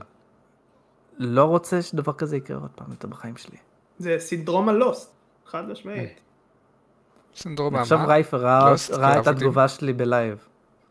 כן, נכון. רייפר אה, ראית אותי משחק בזה, נכון? כן, כן, כן, ראיתי, ראיתי. ראיתי, וראיתי לך נהנה ואז סובל ממש בסוף. אה, אז, אני ראיתי טענות, שסיפור זה חלק שיורד באיכותו בשנים האחרונות. אה, יש לכך איזה שהם אה, בסיס? לא יודע איפה זה, זה אני- טענה אני- שלך, אני אני לא יודע אני מאיפה שלפת זה. את זה. אוקיי, אני... רגע, רגע, תחזור על הטענה המוזרה הזאת, מה אמרת? אה, סיפור הוא חלק שיורד באיכות שלו בשנים האחרונות. משהו שאתה רואה הרבה פחות אה, טוב מיושם. Hmm, אני דווקא חושב הפוך. כי אני חושב, אה, אולי רייפר, אולי יש לך קצת, עוד פעם, זה לגמרי אסמפשן, זה כנראה לא נכון, אבל אולי אתה מסתכל על זה קצת עם משקפיים נוסטלגיות, כי פעם העלילות היו יותר מתומצתות, Mm. הם, והם היו משאירים יותר מקום לד- לדמיון. אני לא יודע אם זה היה מבחירה של המפתח, זה פשוט בגלל מגבלה טכנולוגית. Mm. אז בגלל שזה היה יותר משאיר מקום לדמיון, היית זוכר יותר את העלילות והן היו נוגעות לך יותר בלב, זה דבר ראשון. דבר שני גם יכול להיות, בגלל שהיינו ילדים, נקשרנו הרבה יותר מהר למה ששיחקנו. אני חושב, העלילה של קוד ורוניקה, אני זוכר, הייתי מחשיב אותה לאחת העלילות הכי טובות אי פעם. כאילו, מרוב שנקשרתי אליה ולדרמה בין הדמויות. היום אם אתה מסתכל על העלילה הזאת, היא, בד- היא בדיחה, כן? ממש בדיחה, יש שם דמויות שהן הזויות והן לא הגיוניות בעליל. אני דווקא מרגיש שהיום שמים הרבה יותר פוקוס בלהעביר לך נרטיב שהוא ברמה של סרטים, ולראיה כמובן, Last of Us, GTA, GTA מבחינתי זה כמו לצפות בסרט Scarface מצחיק, כאילו Scarface עם הומור אפילו, יש לו אפילו, אה, אתה יודע, מבחינתי Scarface זה אחד הסרטים הכי טובים שיצאו אי פעם. אה, אז אני דווקא מרגיש, Red Dead Redemption, GTA, Last of Us, אפילו אני אלך למשחקים של BioWare, Knights of the Old Republic אפילו, חושב שאני משחק בו, הוא ממש טוב. העלילות שם הן ממש טובות, הדמויות שם הן כתובות בצורה שהיא עמוקה, יש אלמנט של בחירה, הן גם נשמעות הרבה יותר טבעיות, ואני מחזיר את עצמי אחורה לעלילה של Resident Evil 1, או של Final Fantasy 7 המקורי, אולי ה beat by beat הוא טוב, אבל הדמויות עצמן ממש לא טובות, הן לא נשמעות טבעי בכלל, לדעתי, זאת הדעה שלי. אה, אני אגיד לך מה רייפר, אני לא בן אדם של אה, סיפור, כן. אה, וגם בתור ילד, כשאתה לא יודע אנגלית, אז בכלל לא אכפת לך. כן. אני מסתכל על זה ככה, אני חושב שמאז ומתמיד, תמיד, כאילו גם בסדרות, גם במשחקים, יש לך כאילו אנשים נגיד שיודעים לכתוב סיפור, יודעים אנשים שקצת פחות מצליחים, אבל אני כן מרגיש שבשנים האחרונות הסיפור תמיד מושקע, אם זה ב production ואם זה בצורה שמעבירים אותו, אז אולי הסיפור עצמו הוא, הוא לא מעניין, הוא cringe, הוא, הוא לא מובן, הוא כאילו כל סיפור והבעיה שלו, אני חושב שבדרך שמעבירים אותו זה תמיד כאילו מושקע, זה תמיד כאילו רוצים שתתעניין. לגמרי. אוקיי, שר? שר, לא יודע. איבדנו אותו, וואו. אה וואו, שר נתקע.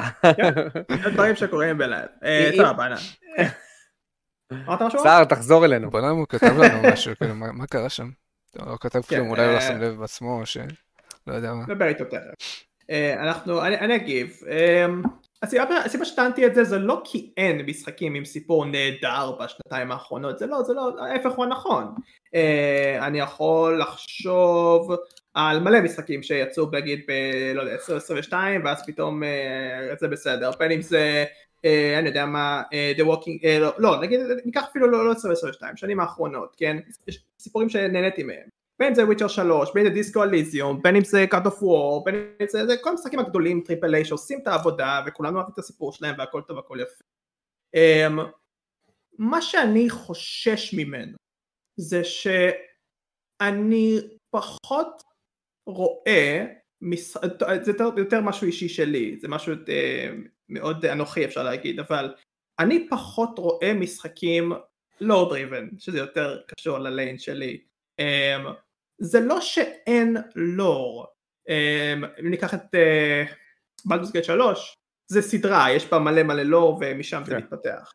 Um, אבל מה אם ניקח משחקים שמנסים להיות נגיד ריבוט עכשיו, מנסים לתת את משהו חדש, um, משום מה, הפחד שלי הוא שאנחנו לא נראה, זה פחד uh, שנראה לי לכולנו יש באיזשהו מקום, שהריבוטים עצמם לא מספקים את העבודה בקטע הזה ולא נותנים לנו איזשהו משהו אחר כי הרי אנחנו נשענים כל הזמן על סדרות שאנחנו נשענים עליהן כבר שנים במובן הזה של סיפור והיום מי, מי הבא בתור שייקח כן מי, מי הבא בתור שיבוא ויעשה את זה אני לא רואה את זה ככה אתה יכול לתת לי אה, דוגמאות של משחקים שיצאו כן. בעבר כן. שיש להם לור שאתה, שאתה מחפש?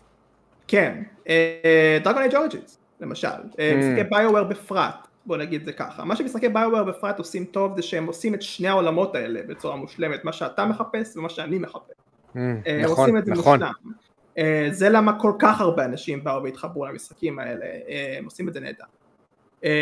מן הסתם אני לא מצפה שכל משחק עכשיו עם תקציב יעשה משהו כזה, זה בסדר גמור לתרכז על משהו אחד. אני פשוט חושש כי אני, אני רואה בדרך כלל משחקי לור סדרה קונטקסט בלבד, אני לא רואה אותה במשחקים יחידניים יותר מדי וגם אם כן אה, אני יכול לצפות מזה רק במשחקי אינדי שהדגש בהם הוא הסיפור כמו למשל פנטימן לדוגמה. אה, המשחק המצויר הזה אה, הנהדר אה, שבגלל שהדגש הוא על לור ועל כל מיני דברים אה, מאחורי הקלעים אז שם זה יגיע. אז כאילו לא יודע. לא יודע אני, רואה יותר מדי לדעתי משחקים דמויות דריבן אה, ואפשר באמת לקחת כמעט כל משחק מודרני כמעט שעושה את זה ככה אה, שהוא לא סדרתי. אני לא אוהב את זה. מה חשבת על סייבר פאנק? אהה, אני לא אהבתי את הנרטיב אה, של סייבר פאנק, אישית, אישית, אבל שוב, אני חושב שרמת ההגשה שם היא לא טובה, ההתחלה הייתה too tacky for me, בוא נקרא לזה ככה, זה שיש לך עיר מדהימה ומקומות מאוד מאוד מרשימים מבחינה ויזואלית אה, לא אומר ש... אני, אני מחפש, כשאני רואה דמויות אני מחפש מורכבות אני חושב שזה הבעיה שלי, אני מחפש מורכבות בדמות. סייברפאנק לא הראתה לנו יותר מדי מורכבות בדמות, יש לנו דמות כזאתי וכזאתי וכזאתי, ויותר מזה אין יותר מדי. גם אם דיברת איתה לא מעט, משום מה ההתחברות אה, לא הספיקה שם, אני לא, חוץ מפנם, שאני לא יודע למה אני זוכר את השם שלה, אני לא זוכר. אף גם אני. זוכר אותה. יפה מאוד, אז כל השאר אני ממש לא זוכר, כן? אה, הייתה ממש סאסי. לא, יש מצב. אז כן, אז כמו שאתה אמרת גם, אתה לא זוכר יותר מדי דמויות במשחקים, לדעתי זה מה שאני מחפש. אני מחפש אה, אה, משחקים עם, אה, מה שנקרא to work for it, ואני משום מה, אלא אם כן זה סד, לא סדרה אה, שכבר עושה את זה כמה שנים, ויש לה את הלור מאחורי הגב, כן. אין את זה.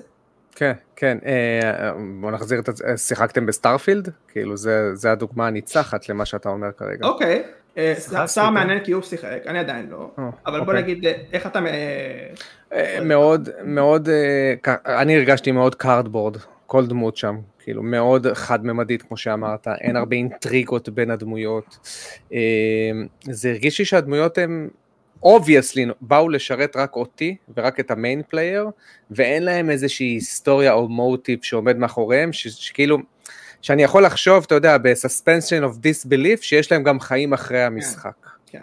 לא היה לי את זה בסטארפילד בכלל, ובגלל זה גם לא היה אכפת לי מהדמויות בכלל. אני, אני לא זוכר דמות אחת שהיה אכפת לי ממנה. הרגשת שהיה לך שהיה לי מה?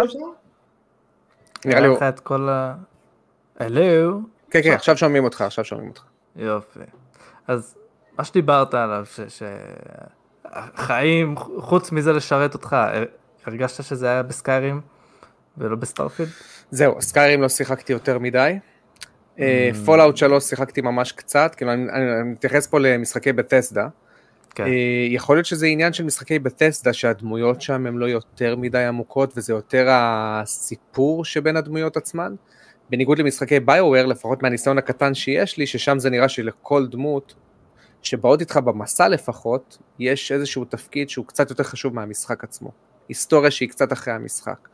זה נראה לי משהו שאני חווה במשחקי ביואר ואני מצדד במה שאמרת. ביואר עושים את זה ממש טוב. או עשו את זה לפחות ממש טוב. אני רק אגיד אה, עוד נכון. שנייה לפני שנגיע לחלק הבא, לסער, אה, נגיד ניקח אפילו את אובליביון, משחק לפני סקיירים, כן? הסיפור שם לא משהו, ואני לא זוכר אף דמות, אה, שם של דמות, כל שם של דמות היא מורכבת כמו לא יודע מה, אבל אה, זה לא העניין, העניין הוא שמה שאובליביון ניסה לעשות לך והצליח גם, זה העביר לך חוויות של אה, סיפורים, מיני סיפורים פה ושם, ככה וככה, עם כל מיני משימות צדדיות ו whatever, מה שקורה שם, נגיד גם סקיירים על אותו עיקרון אגב, עם ה Dark Brotherhood וכל הדברים האלה, כן? Mm. עם המלחמה בין ה Nords ו whatever. פוליטיקה. כן, בדיוק. עכשיו, הדברים האלה עובדים כי הם כשלעצמם עובדים וזה עובד, כן? אמ, מה שכנראה אה, סטארפילד עושה לא נכון, לפחות אה, אה, לטענת מאור פה, כי אני לא שיחקתי, זה שאפילו אין את זה.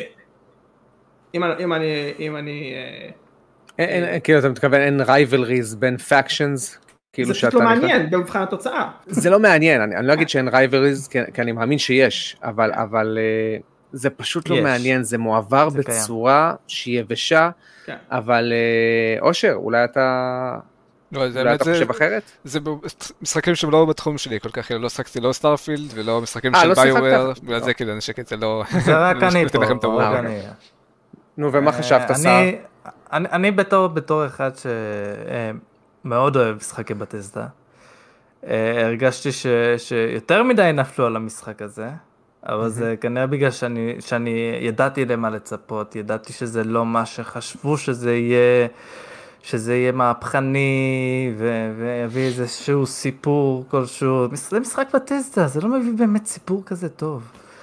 אה, וה-NPC, אני שוב, במשחקי בטסדה ה-NPC לא באמת כזה חי. זה פשוט כאילו מה שאתה עושה ב- ב- במשחק, זה האופציות שאתה יכול לעשות, זה הכל, זה רק אתה, זה עניין שלך בלבד, ולא עניין, מי שאוהב לור ו- וכל המסביב, כנראה לא יאהב את המשחק הזה. זה רק מה שאתה מסוגל לעשות במשחק, אתה מבין? ו- ואני, וזה, ו- ולי זה היה מספיק כיף. עכשיו, אני לא נותן איזה תשע, והוא כנראה גם לא שמונה, אולי שבע, אבל, גם אני אבל זה היה מספיק כיף. זה היה, זה, בשבילי זה היה כיף. כאילו, המעט ש- המעט שאני יכול להגיד, Legit. מששחקתי פולאאוט 4 לפני איזה עשר שנים, והמעט ששחקתי עכשיו מפולאאוט ניו וגאס, כאילו מרגיש שבגלל איך שהעולם בנוי, שהיה nuclear war וכל זה, אז הדמויות כן. שם מרגישות כאילו מאוד אה, פרימטיביות, אפשר להגיד, בהתנהגות שלהם, זה כזה, כן, אני הולך, אני יורה באנשים, אני אוכל את הבשר שלהם, אני אה, מ- מתקן דברים, וזה כאילו... מצד אחד אתה יכול לתרץ את זה כאילו במשחק הזה, אבל כאילו מצד שני זה לא מספיק, כאילו זה עולם את, איפשהו כאילו מודרני, וכאילו יש לך פוליטיקות שיכולות להיות מורכבות, וכאילו אתם מתעסקים בטכנולוגיה מתקדמת, אבל כאילו האנשים עצמם הם כאילו מאוד אה, דלים איפש- איפשהו שם. מעניין, מעניין כל השיח הזה פה. עכשיו רייפר, כן. אני, אני רגע אגע על מה שאתה דיברת על הפעם ו, והיום. אה, פעם, אני, אני חייב לה, לה, להגיד ש, שאתה מדבר פעם, בוא ניקח לדוגמה שלא היה... והיום הדיבוב נכנס ל... ל הוא, הוא נהיה הרבה יותר, הרבה הרבה יותר מושקע ויותר חשוב ממה שהיה אז. אז דאגו להביא לך את זה גם בכתב, והרבה הרבה ספרים וזה. Uh, אני גם נזכר ש, שאז משום מה הם, הם דאגו, עכשיו זה לרעה, כן? הם, הם דאגו לא, לא להביא לך תרגום במשחקים, משום מה. ואז כאילו אני, לפעמים קשה לי שאין תרגום באנגלית, כי לפעמים אני, אני פתאום לא שומע מה הוא אמר, בכלל אז המיקרופונים היו על הפנים גם. נכון. אז כזה, מה, מה, מה הוא אמר? פספסתי את המשפט, סמק, אני לא יודע. אני אוהב יותר את היום בגלל ש, שהכל יותר נגיש. אה, קל יותר לספר את הסיפור. אה, אה, בואו נלך הרבה יותר אחורה בשנות ה-90. לא... אה, ומלא משחקים, ש... מה שבאמת סיפר סיפור טוב אלה משחקי ה-JRPG, ש... שהכל היה שם בכתב, והיה לך את הזמן, לק- למי שהיה את הזמן, היה את הזמן לקרוא, ואת הסבלנות לקרוא, ומי שלא אוהב לקרוא, אז skip, skip, skip, skip, skip, skip, skip. אה, אז הוא לא חווה את הסיפור. אני לא לגמרי מסכים איתך לגבי זה. כאילו בתור מישהו ששחק הרבה JRPGs, אני לא חושב שיש שם סיפורים כאלה מורכבים ברמה שרייפר מחפש לפחות. כאילו, יש שם סיפורים מעניינים, כאילו, וסיפורים שכיף לשחק אותם, אבל אה, רוב ה-90% מה-NPCs במשחקים האלה הם מאוד זה כזה, כן, אני גר בבית הזה ואני מבשלת לבן שלי, הוא עכשיו נלחם. זה, הרמה של המורכבות של הדמויות שם, כאילו. אה, וכאילו תמיד הייתי הולך בכל משחק ומדבר עם כל NPC, וכאילו, רוב ה-NPCs יש להם, כאילו, one liner. ת- תיבה אחת של טקסט, ואם זו דמות חשובה אז אולי שלוש תיבות, ואולי הוא אומר עוד תיבה אחת ברגע שאתה עושה משהו, אבל כאילו, לרוב זה לא עכשיו מורכבות של אה, פוליטיקה, וכאילו דברים כאלה שאשכרה משתנה דינמית, כאילו עם בחירות שאתה עושה במהלך המשחק. פוקימון, לעזאזל פוקימון, אתה הולך לאיזה ילדה, לאחותי יש. יום הולדת, דור, לגמרי. אוקיי. אה, יש לך יום הולדת, מה בא עליי, מה עכשיו את תוקפת אותי, מה הקטע, מה קשור? מה זה, מזל זה- טוב. לנצח ביום הולדת זה כל מה שאתה רוצה. לגמרי. וזה מה שמלמדים אותך פה. אה, אנחנו הולכים לנושא השני שלנו, שזה משחקים יקרים מדי לפיתוח. אני לא מאמין בסטריאוטיפים, אני חושב שסטריאוטיפים הם אה, מגבילים לגזענות באיזשהו מקום. אבל אני אוהב כסף, ועם כסף אנחנו קונים דברים. אז אה, שאלה ראשונה, בנוגע לנושא שלנו, אה, האם אה, יש משחקים שהייתם רוצים לראות אבל מאמינים שלעולם לא יצאו דווקא מסיבות אה, הוא יצא, אבל לדעתי הוא לא יצא. שנמו שלוש. הופה. כי שנמו 2 למי שלא יודע היה אחד המשחקים, לדעתי הוא אחד המשחקים הכי יקרים בהיסטוריה כי הוא עלה אני חושב 70 מיליון לפני 23 שנים. זאת אומרת זה, זה בערך שווה ערך לבערך ל-140 מיליון היום נראה לי, או 100, 120, 130 מיליון. אמ, ואז הוציאו את ההמשך שלו עם קיקסטארטר, אבל ההמשך שלו כמובן היה כל הכוח של, של שנמו היה בבאג'ט שלו, ובעולם הפתוח שלו, ובאופציות המיוחדות שיש לך, ובמשחק המשך לא היה לך את זה. הוא היה הרבה יותר מוגבל, הוא פשוט בא להעביר את הסיפור של שנמו, ובכך הוא גם איבד קצת את הנשמה שלו. אז לדעתי שנמו 4 לא הולך לצאת, משתי סיבות, תקציב, וסיבה שנייה, אין מספיק קהל בשביל uh, לקנות, להצדיק את התקציב הזה. זה, זה, זה, זה ה-2 סנט שלי. אוקיי. וואי, הבמאי המטומטם הזה, סליחה שאני ככה קורא לו מטומטם, אבל הוא עצבן אותי, כי סיימתי את המשחק, האמת, סיימתי את המשחק לפני חודשיים בערך. אוקיי. לא, לפני, כן, בזמן המלחמה זה היה שחזרתי הביתה. בקיצור, אה, אני שיחקתי בו אה, אה, מאז שהוא יצא. כל פעם עצרתי. ואמרתי, טוב, אני חייב כבר לסיים את המשחק הזה. לסיים עם הסיפור הזה, כי, כי, כי ריו כל הזמן רודף אחרי המטומטם הזה, ועדיין לא תפס אותו, אז בוא נסיים עם זה, בוא נתפוס את הטמבל הזה. ועכשיו אני מגיע לסוף, סליחה על הספרים, אבל לא נראה לי שיש מישהו שבאמת מתעניין בזה. אל תדאג. אה, אה, אני לא תופס אותו. זה, זה, זה, זה אומר, אה, יאללה, להתראות בפתקה הבאה, לא תהיה הפתקה הבאה, אתה חי בסרט, מטומטם, היית צריך לסיים את זה פה וזהו, מה אתה, הוא מביא לי גם איזה מישהי חדשה בסוף, בסוף של המשחק, מישהי שאני לא מכיר, מי את? פתאום איזה נבלת חדשה, אז לא, לא יודע מה קורה, ההוא בורח עוד פעם, כמו שהוא עושה בכל המשחקים. ואני עם טעם של, של, של לטוס ליפן ולתת לו איזה נוגרה לפרצוף. אתה חי בסרט, אני אחר כך קורא, אני קורא אחר כך שהוא חי בסרט לעשות לסדרה הזאת ארבעה חמישה משחקים, אתה מטומטם, תגיד לי. איפה התקציב שיש לך לעשות את זה? לגמרי, לגמרי. הוא היה צריך לסיים את זה בשלישי וזהו. לסיים את הסיפור בשלישי וזהו, ולגמור את זה. אני זוכר בקיקסטארטר, גם אה, אה, תוך זמן קצר... גם הוא אמר שהוא הולך לסיים את הסיפור בקיקסטארטר. נכון, נכון, וזה אה, הגיע תוך זמן קצר, זה שבר שיאים אם אני לא טועה, נכון? לאיזה 6 כן, מיליון. נראה לי ב-24 שעות 4 מיליון דולר, משהו כזה. כן, כן. זה, זה, זה הגיע אחר כך לאיזה 7 מיליון. פתאום כן. הוא אומר, חברים, אני צריך עוד 8 מיליון. אמרת אבל שהיעד זה 7 מיליון, פתאום אתה רואה באמת, העריכו את, ה... את התקציב, כי הוא הבין ש... שמה שהוא מנסה לבנות לא, לא יספיק. יפ. וואו. אוקיי. היה לך שר משהו אה, שרצית להוסיף בגלל זה? אה, אם היה, אז העצבים השכיחו את זה. זה הבנתי אותך. כן, פחות אה, חשבתי על משחקים ספציפיים, אלא יותר על ז'אנרים. אבל אה, אה, אני אקח את שני הדברים האלה ביחד ואני אגיד שנגיד וורקראפט 4 אני לא רואה אותו יוצא אה, גם בגלל הירידה של בליזרד בשנים האחרונות אבל גם באופן כללי בגלל התמותה של משחקי RTS כי RTS ברמה הגבוהה זה משהו מאוד מאוד יקר להוציא וגם הם פחות משמעותית מכניסים פחות כסף מדרכים אחרות עם מייקרו טרנזקציות וכל הדברים האלה כאילו הטריפל איי האחרון שאני חושב שיצא זה אולי Age of Empires 4 אני חושב. חוץ מזה לא עולה לי עוד משחק RTS triple A שיצא. אה, ויש עוד כל מיני ז'אנרים כאלה שדווקא ז'אנרים שסוג של אוהב או מתעניין, אה, כמו למשל MMOs.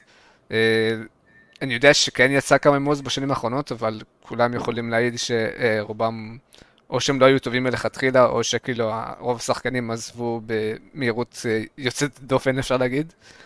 אה, וכאילו במיוחד, אני לא רואה כאילו איך הולך להיות MMO בעתיד שאין בו microtransactions. כאילו זה בערך מה שמחזיקים את המשחקים האלה כבר uh, שנים רבות, לצערי. Uh, רציתי לתת עוד דוגמה אחת קצת uh, מוזרה.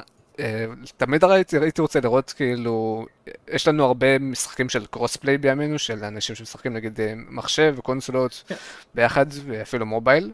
אבל אין משהו כזה עם, עם VR, הייתי רוצה לראות משחקים שמשלבים שחקני VR עם שחקני קונסולות או מחשב, שאני חושב שכאילו סוג שיש barrier, שעוד לא, לא צלחנו אותו בעולם ה-VR, והייתי רוצה לראות את זה כדי, גם כדי לפתח את משחקי ה-VR וגם כדי שיהיה את החיבור הזה. Hmm, מעניין, אוקיי. Uh, בשבילי זה יהיה Sleeping Dogs 2. Sleeping, כן, עכשיו אני לא הבנתי את ההייפ על Sleeping Dogs עד ששיחקתי את זה בעצמי אה, והבנתי שזה משחק סולידי all around באמת מבחינת כמעט כל אספקט אה, העולם פתוח עצמו היה מעניין גם מבחינת ויזואליות זה נראה לא רע בכלל אה, הסיפור עצמו היה יחסית מהנה עם כל ה-DLCs, גם הכיפים שהיו שם, הרבה יותר, הרבה יותר spice ממה שהיה צריך להיות. ה gameplay עצמו היה סולידי all around, בין אם אה, זה דגש מאוד מאוד יפה על hand to hand combat והנשקים עצמם, יכולת לבחור מה שאתה רוצה וזה בערך עבד. Uh, הכל היה נהדר ב Sleeping Dogs, ועד היום הוא נכנס לרשימות של underrated list uh, שיש שם ובצדק לדעתי. אבל השני אף פעם לא יצא וכנראה לא יצא, כסיבות כלכליות. Uh, בהתחלה כשהמשחק הזה יצא, מה? כן, המשחק? אתה יודע למה הוא, אתה יודע למה הוא לא, לא, למה הוא מה? הוא לא יצא בסוף. אני מאשים את, ה, את הרצון שלהם לעשות משחק מולטיפלייר. כן, זה מה אז- שהפיל אותם. זהו, אבל שוב, זה סיבה כלכלית בשבילי. אה, העניין הזה שהם באו ורצו חמדנות, אה, גם אם אני לא טועה זה אה, התחילו לצאת משחקים אחרים של סקוואר איניקס שהצליחו יותר ונראה לי שזה גם השפיע, כן, כל מיני משחקים כמו אני יודע מה, אה, אה, לא לא- לא גם סקוואר Raider. איניקס, נגיד היטמן אבסולושן נגיד יצא ממש נראה לי, אה, אני לא יודע אם אה, שמת לב. מי הצטרף אלינו לצ'אט. אה, הלו, מאור, תפסיק- די, תפסיק להיות עייף, פשוט די. זה מייקי, חבר'ה, למי שלא מכיר. הלו מייקי, הלו הלו. אה, מדברים פה על כסף. אה, אז כן, סליפר 2 זה משהו שמאוד מאוד רציתי שיקרה, זה לא קרה, זה גם לא אה, יקרה, בגלל בעיקר סיבות כלכליות, בגלל סקוואר איניקס, היא באמת אה, רואה דברים אחרת לצערי, ו... אני אוהב את. ה beef אגב של האחים פה. בצ'אט. כן, זה- ברור, ברור, זה תמיד, זה, זה, זה היה חלק מהמיתוג שלנו. אמ, אני, אני לא חושב ש Sleeping Dogs גם נכשל במכירות, כן? אני חושב שהוא מכר לא. סביר. מה פשוט- שכן אבל זה זה שיקר כי הוא הפך להיות מעין אני אגיד את זה בזהירות כי זה לא בדיוק אבל cult game cult, אה, ככל נכון. שהמשחק עבר אה, בהתחלה זה לא היה כזה שוס והרבה כן. מאוד חברות שמות דגש על ההתחלה עצמה כדי לראות מה קורה אחר נכון. כמו Good and Evil כזה, כאילו, נכון בואו מאוד. חבר'ה, כשהוא יצא לא קניתם אותו, אז אה, מה, עכשיו, עכשיו נכון. פתאום הוא נהיה cult hit, אבל זה לא משנה את ההיסטוריה. לגמרי אבל למרות זאת שזה משהו שלא קורה הרבה DLCs יצאו עם Sleeping Dogs המשחק כבר גסס מבחינת אה, אה, לא פופולריות אבל מבחינת כאילו כבר קונספט די מספיק צריך לבוא למשהו אחר מבחינת Square Enix דווקא שם יצאו כל מיני DLCs מעניינים וטובים אה, והזכירו לנו כמה Sleeping Dogs הם ממש ממש טובים אבל לצערי כן. הרב כן זה לא מעניין, אה, אוקיי, מעניין. כן, כן. לא, לא, לא הבנתי את הרצון של אה, לעשות multiplayer, כאילו... כאילו, אה. לא ביקשנו את זה, אנחנו רוצים עוד ממה שאתם עשיתם. למה לתקן משהו שהוא לא שבור? לצערי לא עובד ככה התעשייה התעשייה יש לה מוח משלה והיא אוהבת כסף היא אוהבת כסף ו- ולא מספיק לה קצת כסף. לגמרי. זאת אומרת, אם גם, לדעתי Sleeping Dogs לא היה, לא, בעצם הוא היה הפסדי, עכשיו אני קורא את זה. אה, הוא- גרם ל... כאילו, הוא לא- הוא לא כיסה את העלויות שלו. טוב, אוקיי, אז אוקיי. לקחתי את מה בוא- שאמרתי. אוקיי, אני- בואו נשתוק. בדיוק. לא, אבל, לדעתי הרבה חברות, פעם היה אומנות בלהוציא משחקי דאבל איי, שלא הולכים למכור לך עשרות מיליונים, אבל אתם יודעים, את הקירבי למיניהם שמוכרים 2-3 מיליון, או את המטרואידים למיניהם שמוכרים 2-3 מיליון, כן. או את המשחקים של סוני, את הסליי קופר, את הראצ'ט, את הג'ק, שגם מוכרים 1, 2, 3 מיליון, עושים קצת כסף, זאת אומרת, כמה מיליונים נחמדים, ומוציאים המשכים. היום יש חשיבה שאני, אם אני עושה משחק, אני חייב שהוא, אני חייב שהוא ימכור לפחות 10 מיליון, אני חייב שהוא אה, יביא לי רווחים של עשרות מיליונים, אם לא מאות מיליונים, וכאילו מפתחים מהמרים על כל הקופה, בכל משחק שהם מוציאים. אני לא מבין את הרציונל הזה, כי לדעתי זה מצמצם את ספריית המשחקים שלך. למשל, קחו לדוגמה את הפלייסטיישן 5. כמה אקסקלוסיבים יצאו לפלייסטיישן 5? ארבע, נכון? כן כן מאוד מסוני. מאכזב. זאת אומרת. לצערי אני לא מבין מספיק בתעשייה ואני צריך להבין כי זה תחום שאני מתעסק בו. אבל כאילו מרגיש לי שאולי אה, כאילו הרבה מזה תלוי בפאבלישרים ומשקיעים וכאילו אני חושב שמשנה מסוימת משקיעים הבינו שיש כסף פסיכי בעולם המשחקים והם תמיד מחפשים את המכה כן. הגדולה הבאה. את המכה הגדולה. ואז כשהם לא מוצאים את זה אז כאילו פתאום החברות ה double A הם כבר כאילו יותר קשה להם לגייס, לגייס משקיעים בלי לה- להבטיח להם שזה הולך להכניס כאילו בוכטות של כסף. כן. זה יותר כן סליחה. לא, אני אומר, זה יצר תהום, בין משחקי triple A, שהם מפוצצים בתקציב של פיתוח לא הגיוני בעליל, ופשוט תהום ואינדי. כן. אין לנו כבר את, ה, את הביניים, אין לנו כבר מקום למשחקים שמוכרים 2-3 מיליון. וחבר'ה, עד, עד לפני כמה שנים 2-3 מיליון היה נחשב הצלחה גדולה. נכון מאוד. אתם מבינים? כי היו, הנה, קחו לדוגמה, יאקוזה. יאקוזה חבר'ה, האחרון Infinite Dragon אני חושב? וולף, לא? Infinite וולף, לא, Infinite כן. וולף, לא יודע. אה, והוא מכר מיליון כרגע, מיליון, וסגה פרסמו את זה בגאווה בטוויט. יאקוזה מכר מיליון. עכשיו חבר'ה, המשחקים האלה רווחיים, ברגע שהם מגיעים למיליון, מיליון פלוס, סגה מרוצים, והם מוצאים להם המשכים.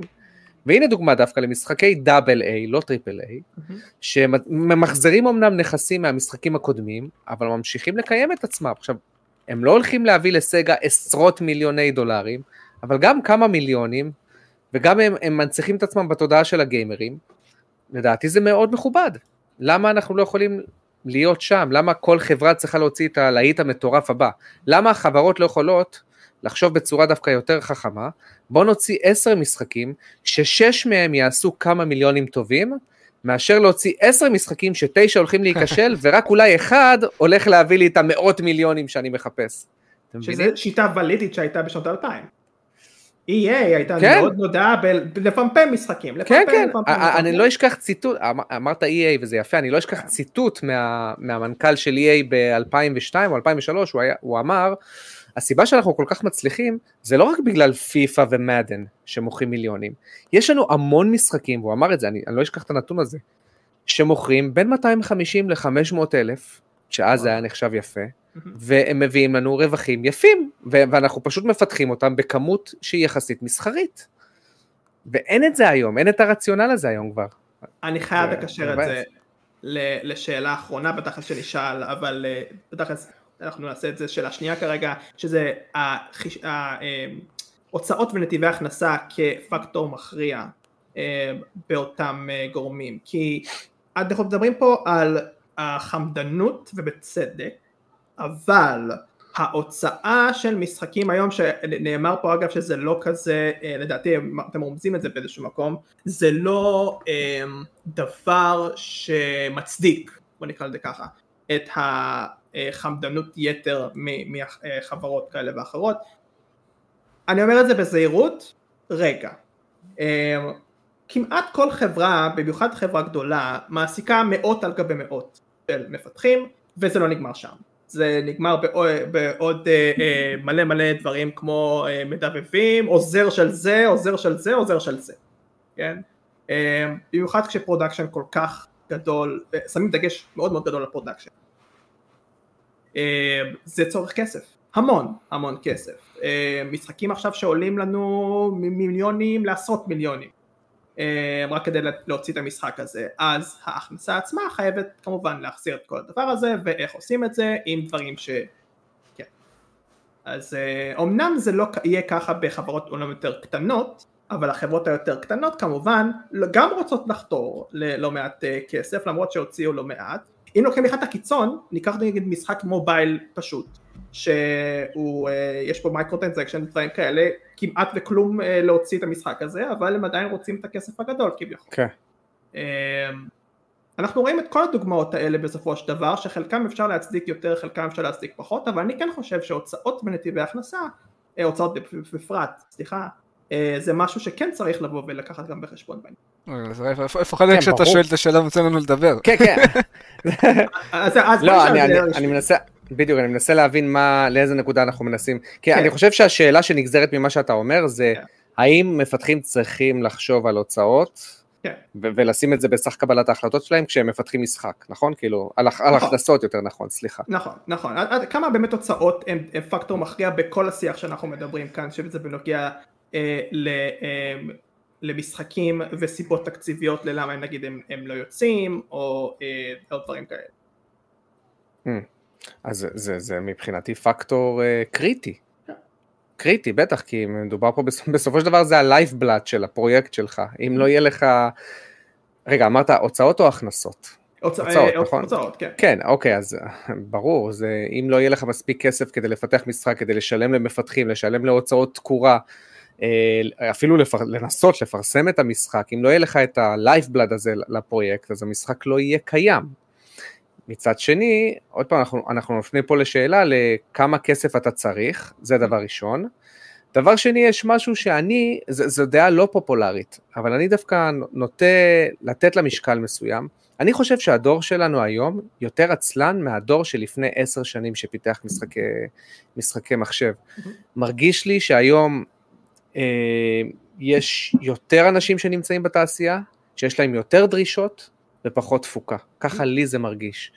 אה, ואז, וכפועל יוצא מכך, פרויקטים פתאום מתארחים. פתאום פרויקט שפעם הייתם מסיימים אותו בשלוש שנים, היום מתלוננים ישר על תרבות הקראנץ', מה פתאום, אני בקראנץ', אל תיתן, אל תיתן להיות בקראנץ', פתאום הפרויקט מתארך לחמש שנים. עכשיו חבר'ה זה עוד שנתיים שאתה צריך לשלם משכורות, הוצאות תקורה, שזה עיקר התקציב של משחק, זה המון כסף. אז אני חושב ש...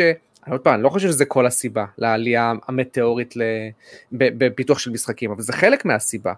אנחנו.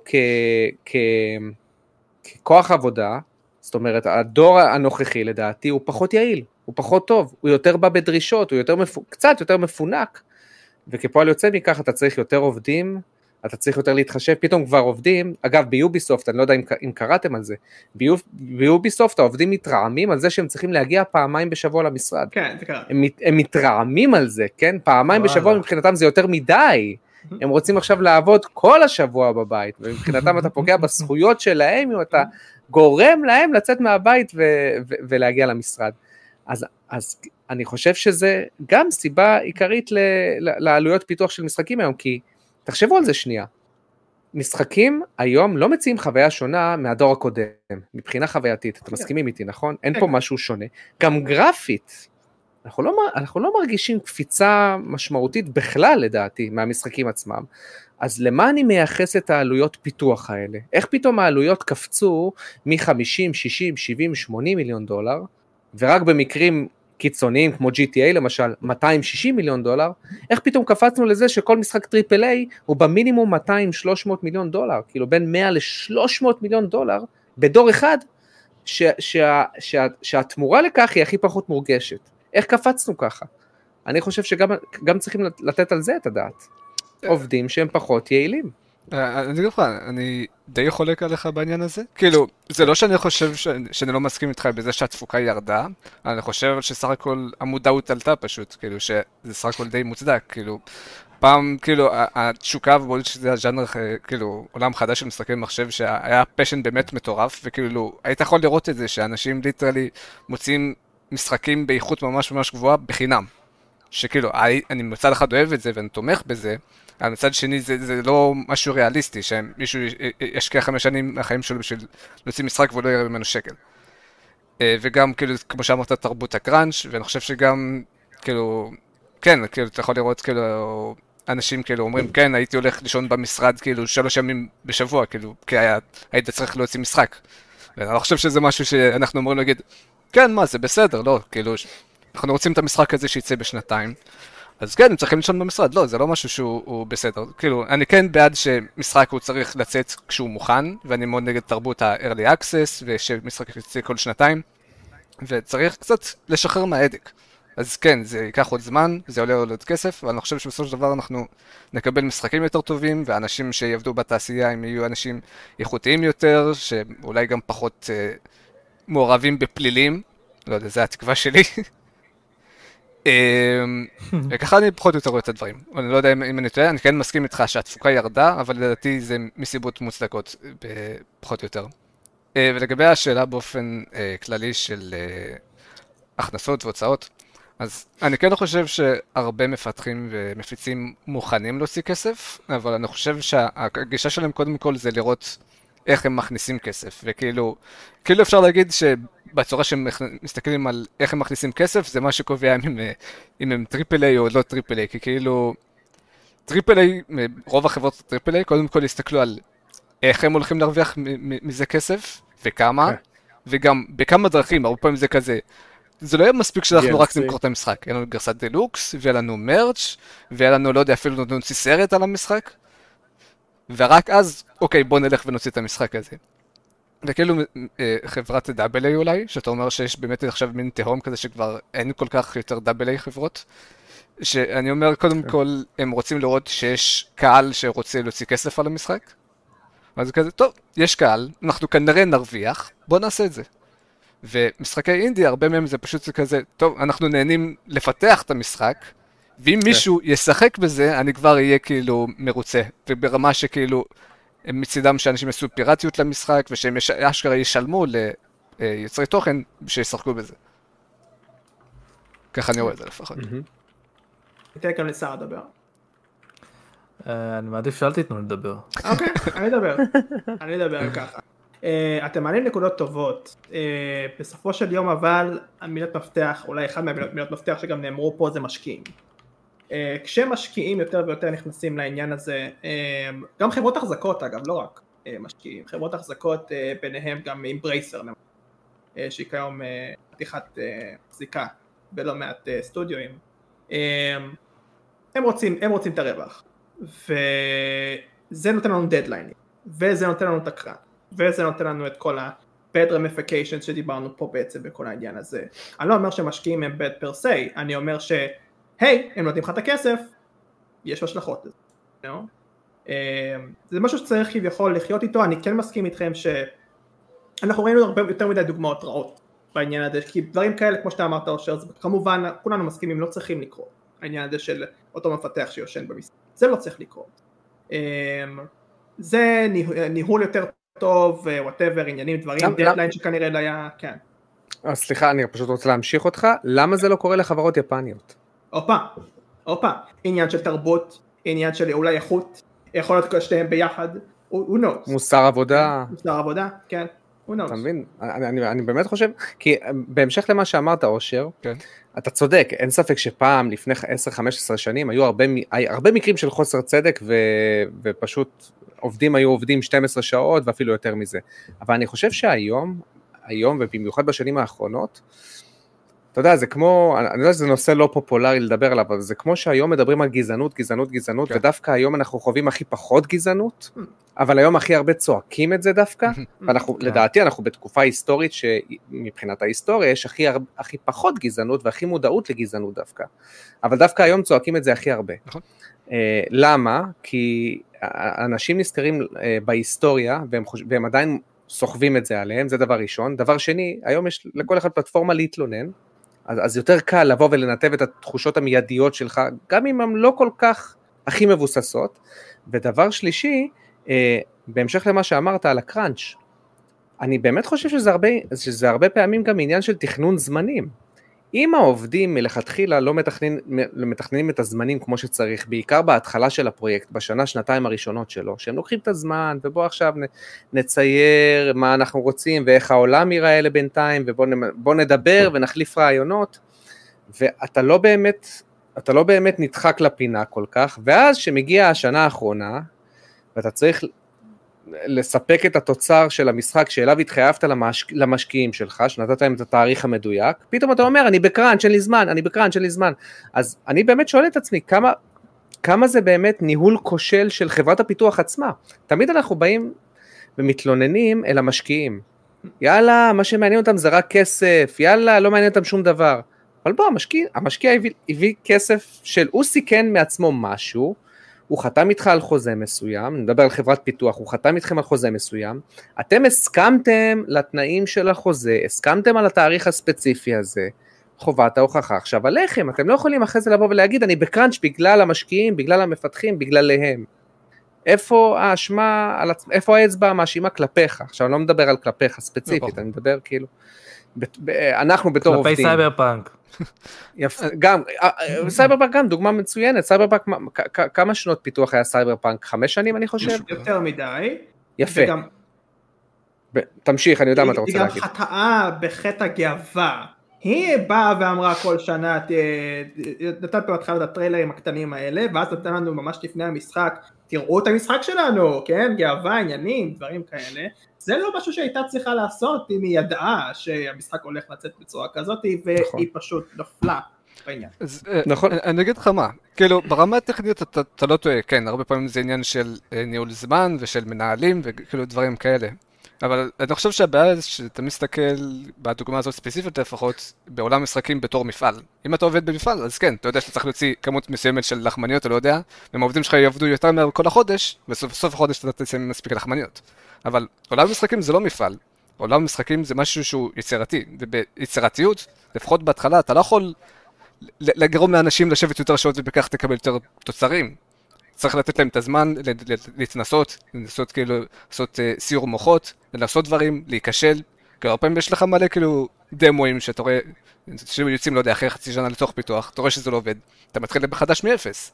ואם את, אתה אומר מההתחלה שיעשו קראנץ', אז או שאתה לא, לא, תקבל... לא, ממש לא, זה לא מה שאני אומר.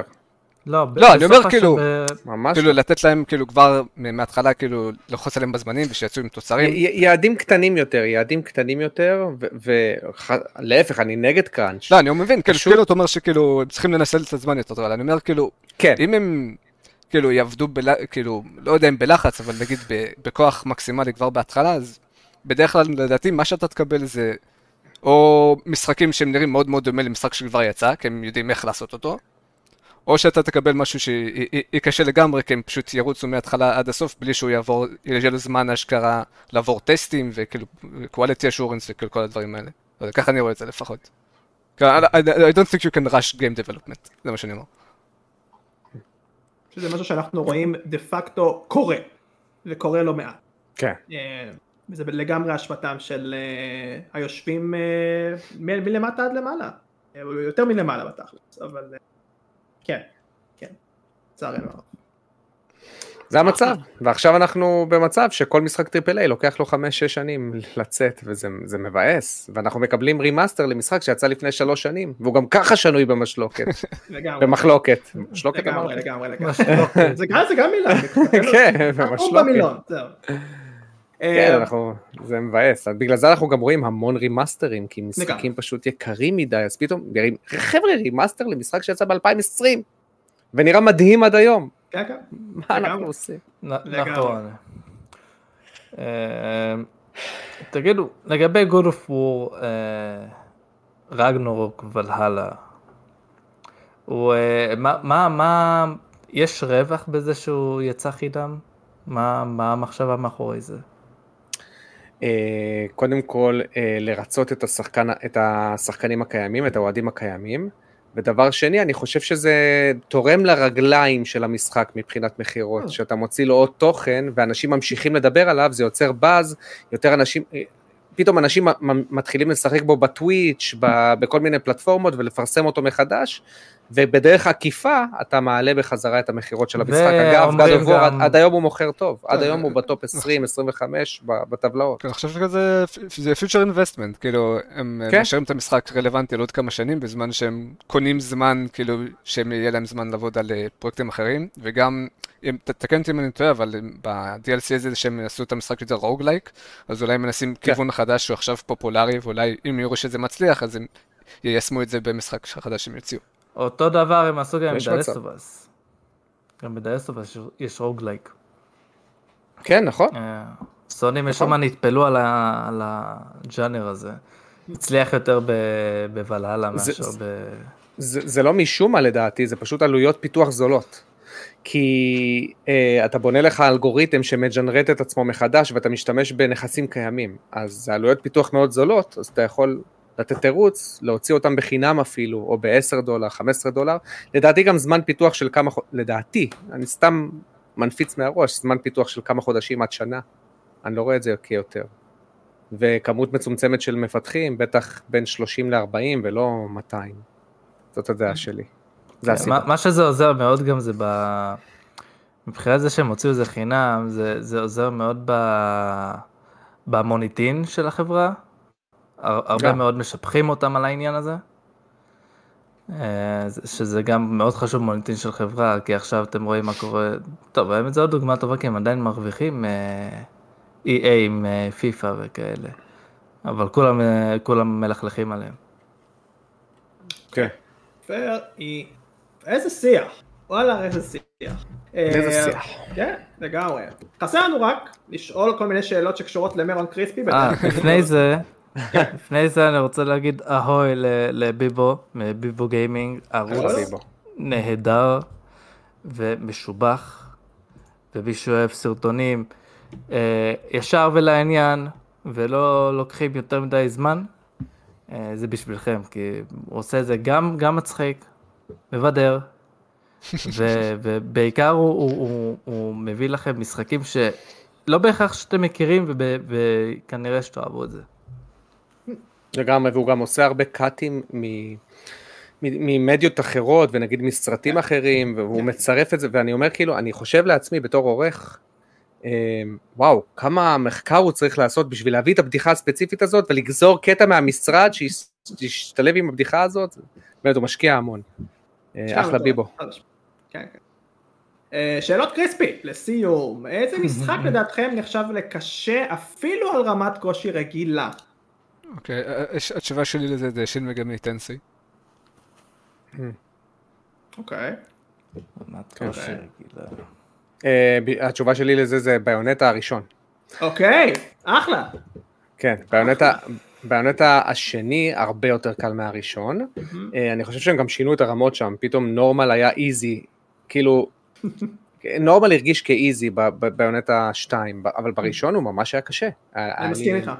כן, גם אתה שיחקת בראשון ובשני. אני שיחקתי בו בנורמל והיה לי ממש קשה, כן. נכון? כן, כאילו, מה נסגר שם? אולי זה פעם, כי משחקים היו יותר קשים, אבל... אני כן. לא זוכר שהתקשיתי עד כדי כך. בביונטה הראשון, לא השני. כן, הראשון. כן. אז... אה, לא שחקתי בשני, אבל שחקתי בראשון, וחשבתי שהוא די קשה, אבל אני פשוט האשמתי את עצמי שאני כבר משחקים ביטם אפ. בайונטה הוא משחק שהוא לדעתי אחד, השני, אחד מה beat, לא beat 'em up, character action, אל תגידו beat 'em up, דיברנו על זה כבר עם מייקי, character action, beat 'em up זה מטריה יותר רחבה. אוקיי. אמ, יש פה משהו מאוד מיוחד, לא, הוא לא לכולם, מה שאני אני ומייקי מסכימים עליו זה שה readability שלו הוא מאוד נמוך, זאת אומרת קשה לראות מה אתה עושה, במיוחד נכון, בהתחלה, כש, נכון? כשכל התפריט קופץ וכל ה... ויש לך את זה הכוונת יותר על hack ה... slash אבל, לא? לא, לא, זה character action. כשאתה אומר hack and slash זה יכול להיות גם אה, אה, מוסו, משחקי מוסו, שהם ז'אנר אחר לח, לחלוטין. character action זה יותר משחקים שאתה אתה גם עושה hack and slash, יש לך מערכת קומבואים, והקומבואים האלה נותנים לך יותר נקודות, ואז אתה מקבל ציונים. זה character action. זה sub ז'אנר בתוך מטריה רחבה יותר. Mm. אה, אז אני שמתי לב בביונטה שהרידביליטי הוא, הוא מאוד קשה להבנה, במיוחד בהתחלה, ו- ומי שמסתכל על זה מבחוץ על ביונטה, אני זוכר שאני לא התרשמתי כשהסתכלתי עליו מבחוץ, כי אתה לא מבין מה הולך, מה, מה קורה בו בלאגן, יש פה יותר מדי דברים שקופצים, יותר מדי אה, זה. זהו, אז ביונטה, בהמשך למה שאמרתם. בנורמל הוא? קשה. אה, שלי זה וולפנשטיין, ניו אורדר וניו קולוסס.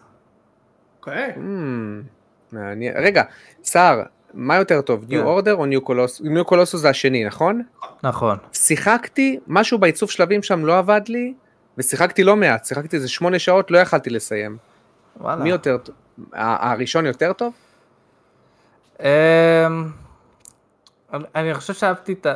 זה מאוד קשה כי אני מאוהב בשניהם, אבל אני חושב שאהבתי את הש- את השני יותר, אבל ה- הראשון, הראשון אולי יותר ידבר אליך, כי הוא הרבה יותר, אה, פחות בומבסטי, פחות אה, מנסה. הוא מביא לך שלבים אה, אה, קצת יותר קטנים, ואתה יודע, משהו פשוט יותר. אולי זה, אולי זה יעבוד לך. הם ניסו משהו יותר הוליוודי ב- בניו קולוסוס. כן. משהו שבדרך כלל קורה במשחקים. כן. אה, סגור, סגור. אה, האם היה פעם משחק שהייתם מכורים אליו ושיחקתם רק בו והרגשתם רגשות אשם שאתם לא משחקים במשחקים אחרים? ברור. יש את התשובה הברורה. לי יש את התשובה. הברורה לאוהדים שלנו. הוא אומר אה, פעם, זה קורה עכשיו, כאילו כל פעם שמשחק משחק מובה כלשהו, זה מה שאני מרגיש. כן. אה, לי זה רזידנט איבל 4, סיימתי אותו רק תשע פעמים. וואו, אני הולך להתחיל אותו ב-VR. וואו, את, הרביעי, רגע, את הרביעי רימייק. אתה הולך להתחיל ב-VR. כן, אני אתחיל אותו בפעם השנייה, פעם ראשונה VR. יפה, יפה. יש תהנה. משהו באמת ברזדנט איבל 4 שכיף לשחק אותו. הוא, בשבילי הוא לא נגמר. כל פעם שאתה חוזר אליו זה לחוות את המשחק מחדש. אתה, אתה גם יותר יעיל באיך שאתה ניגש לאויבים, וזה מדהים, כי אתה פשוט פחות אה, נלחץ, אתה כבר יודע פחות או יותר מתי לתזמן את המרחק בינך לבין האויב, איפה לראות בדיוק, וזה פתאום הופך להיות ממשחק מלחיץ שאתה בורח מאויבים, למשחק ריקוד. כי אתה כבר כאילו קורא את הטלגרפיות של האויבים, ואז זה מקבל יותר פאנץ' של אקשן מאשר survival. אבל אני מדבר, דיברתי ספציפי על Resident Evil 4 המקורי. כן. רייפר, שיחקת ברימייק? אה, שיחקתי במקורי, לא ברימייק. ואהבת? התחברת ל... חד משמעית כן. חד משמעית כן. למה אתה מדבר איתנו ולא משחק ברימייק?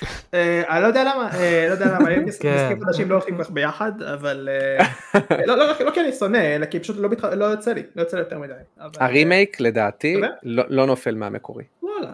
אוקיי. לא נופל מהמקורי, הוא פשוט, והוא, מודרני, והוא באמת, הוא, ברמת replayability כמו המקורי. זה, זה הישג מדהים מבחינתי. וואו, אוקיי. כן. אוקיי. מה עם השאר? כעיקרון נתתי את הדוגמה שלי, אני יכול לתת דוגמה נוספת, יש משחק, קוראים לו אנטי איידל, משחק איידל, ואני אומר, מזל, מזל ש... אה, כאילו, קניתי מחשב חדש, התקנתי ווינדוס מחדש, ושהיה לי, כאילו, באותה תקופה היה לי רק מסך אחד, אחרת עד עכשיו היה לי פתוח במסך השני, כאילו, אה, הוא פשוט ממכר ברמות. אתה שר? אה, אתה שר חוץ מסקיירים? אה, וואו, חוץ מסקיירים, תשמע, זה קשה דבר כזה, כי רוב המשחקים הם, אתה יודע, כמו Uncharted ו-God of War, שאני יכול להגיד לך שחרשתי עליהם, אבל הם נגמרים תוך איזה שמונה שעות. Hmm. אז חוץ מסקרים אתה אומר. התקלת אותי אחו שלוקי.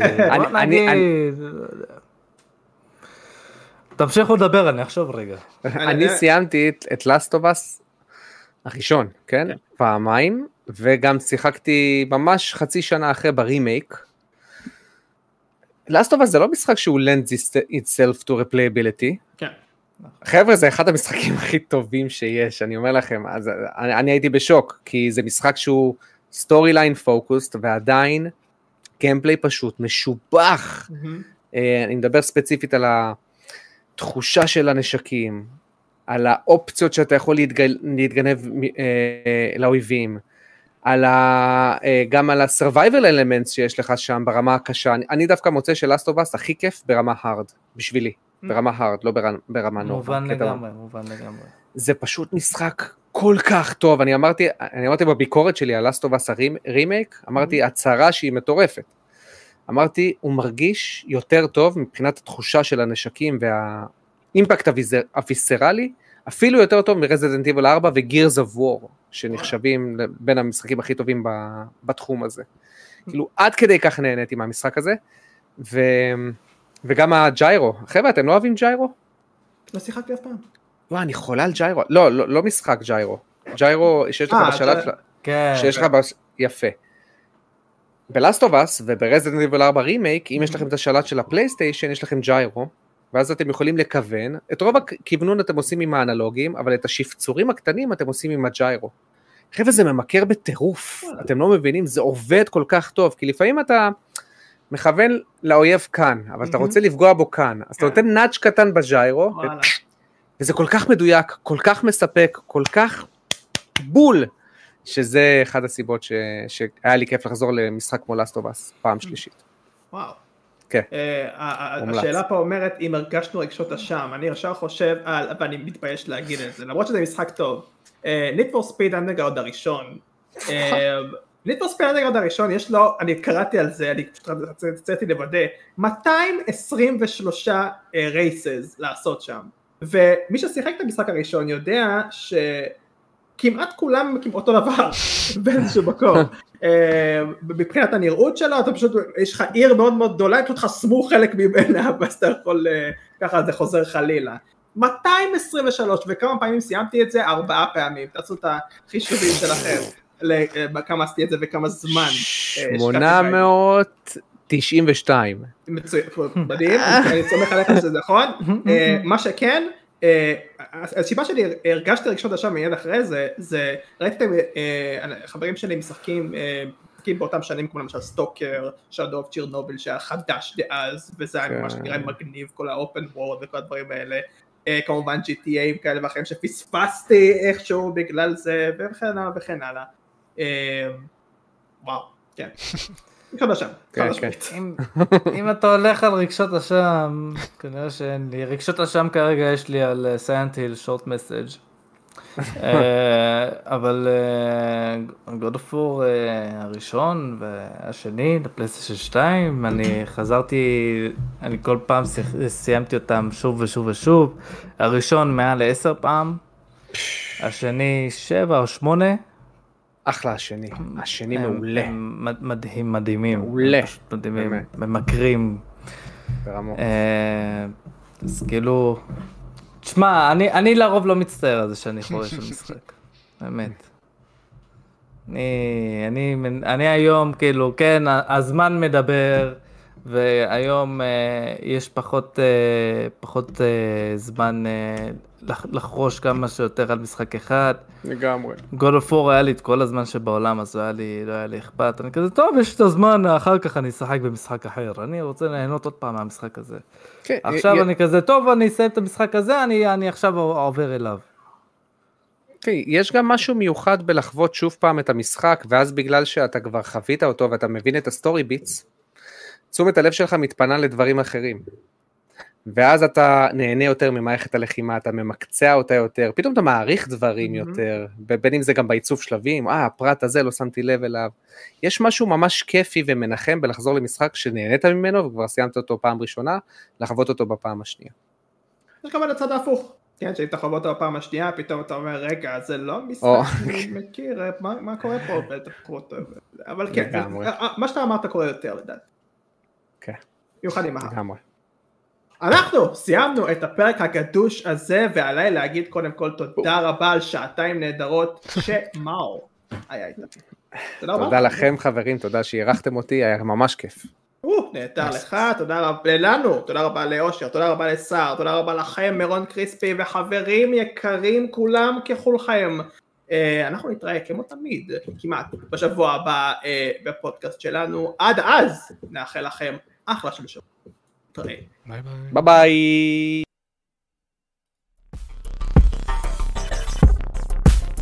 אני- אני שם את ה...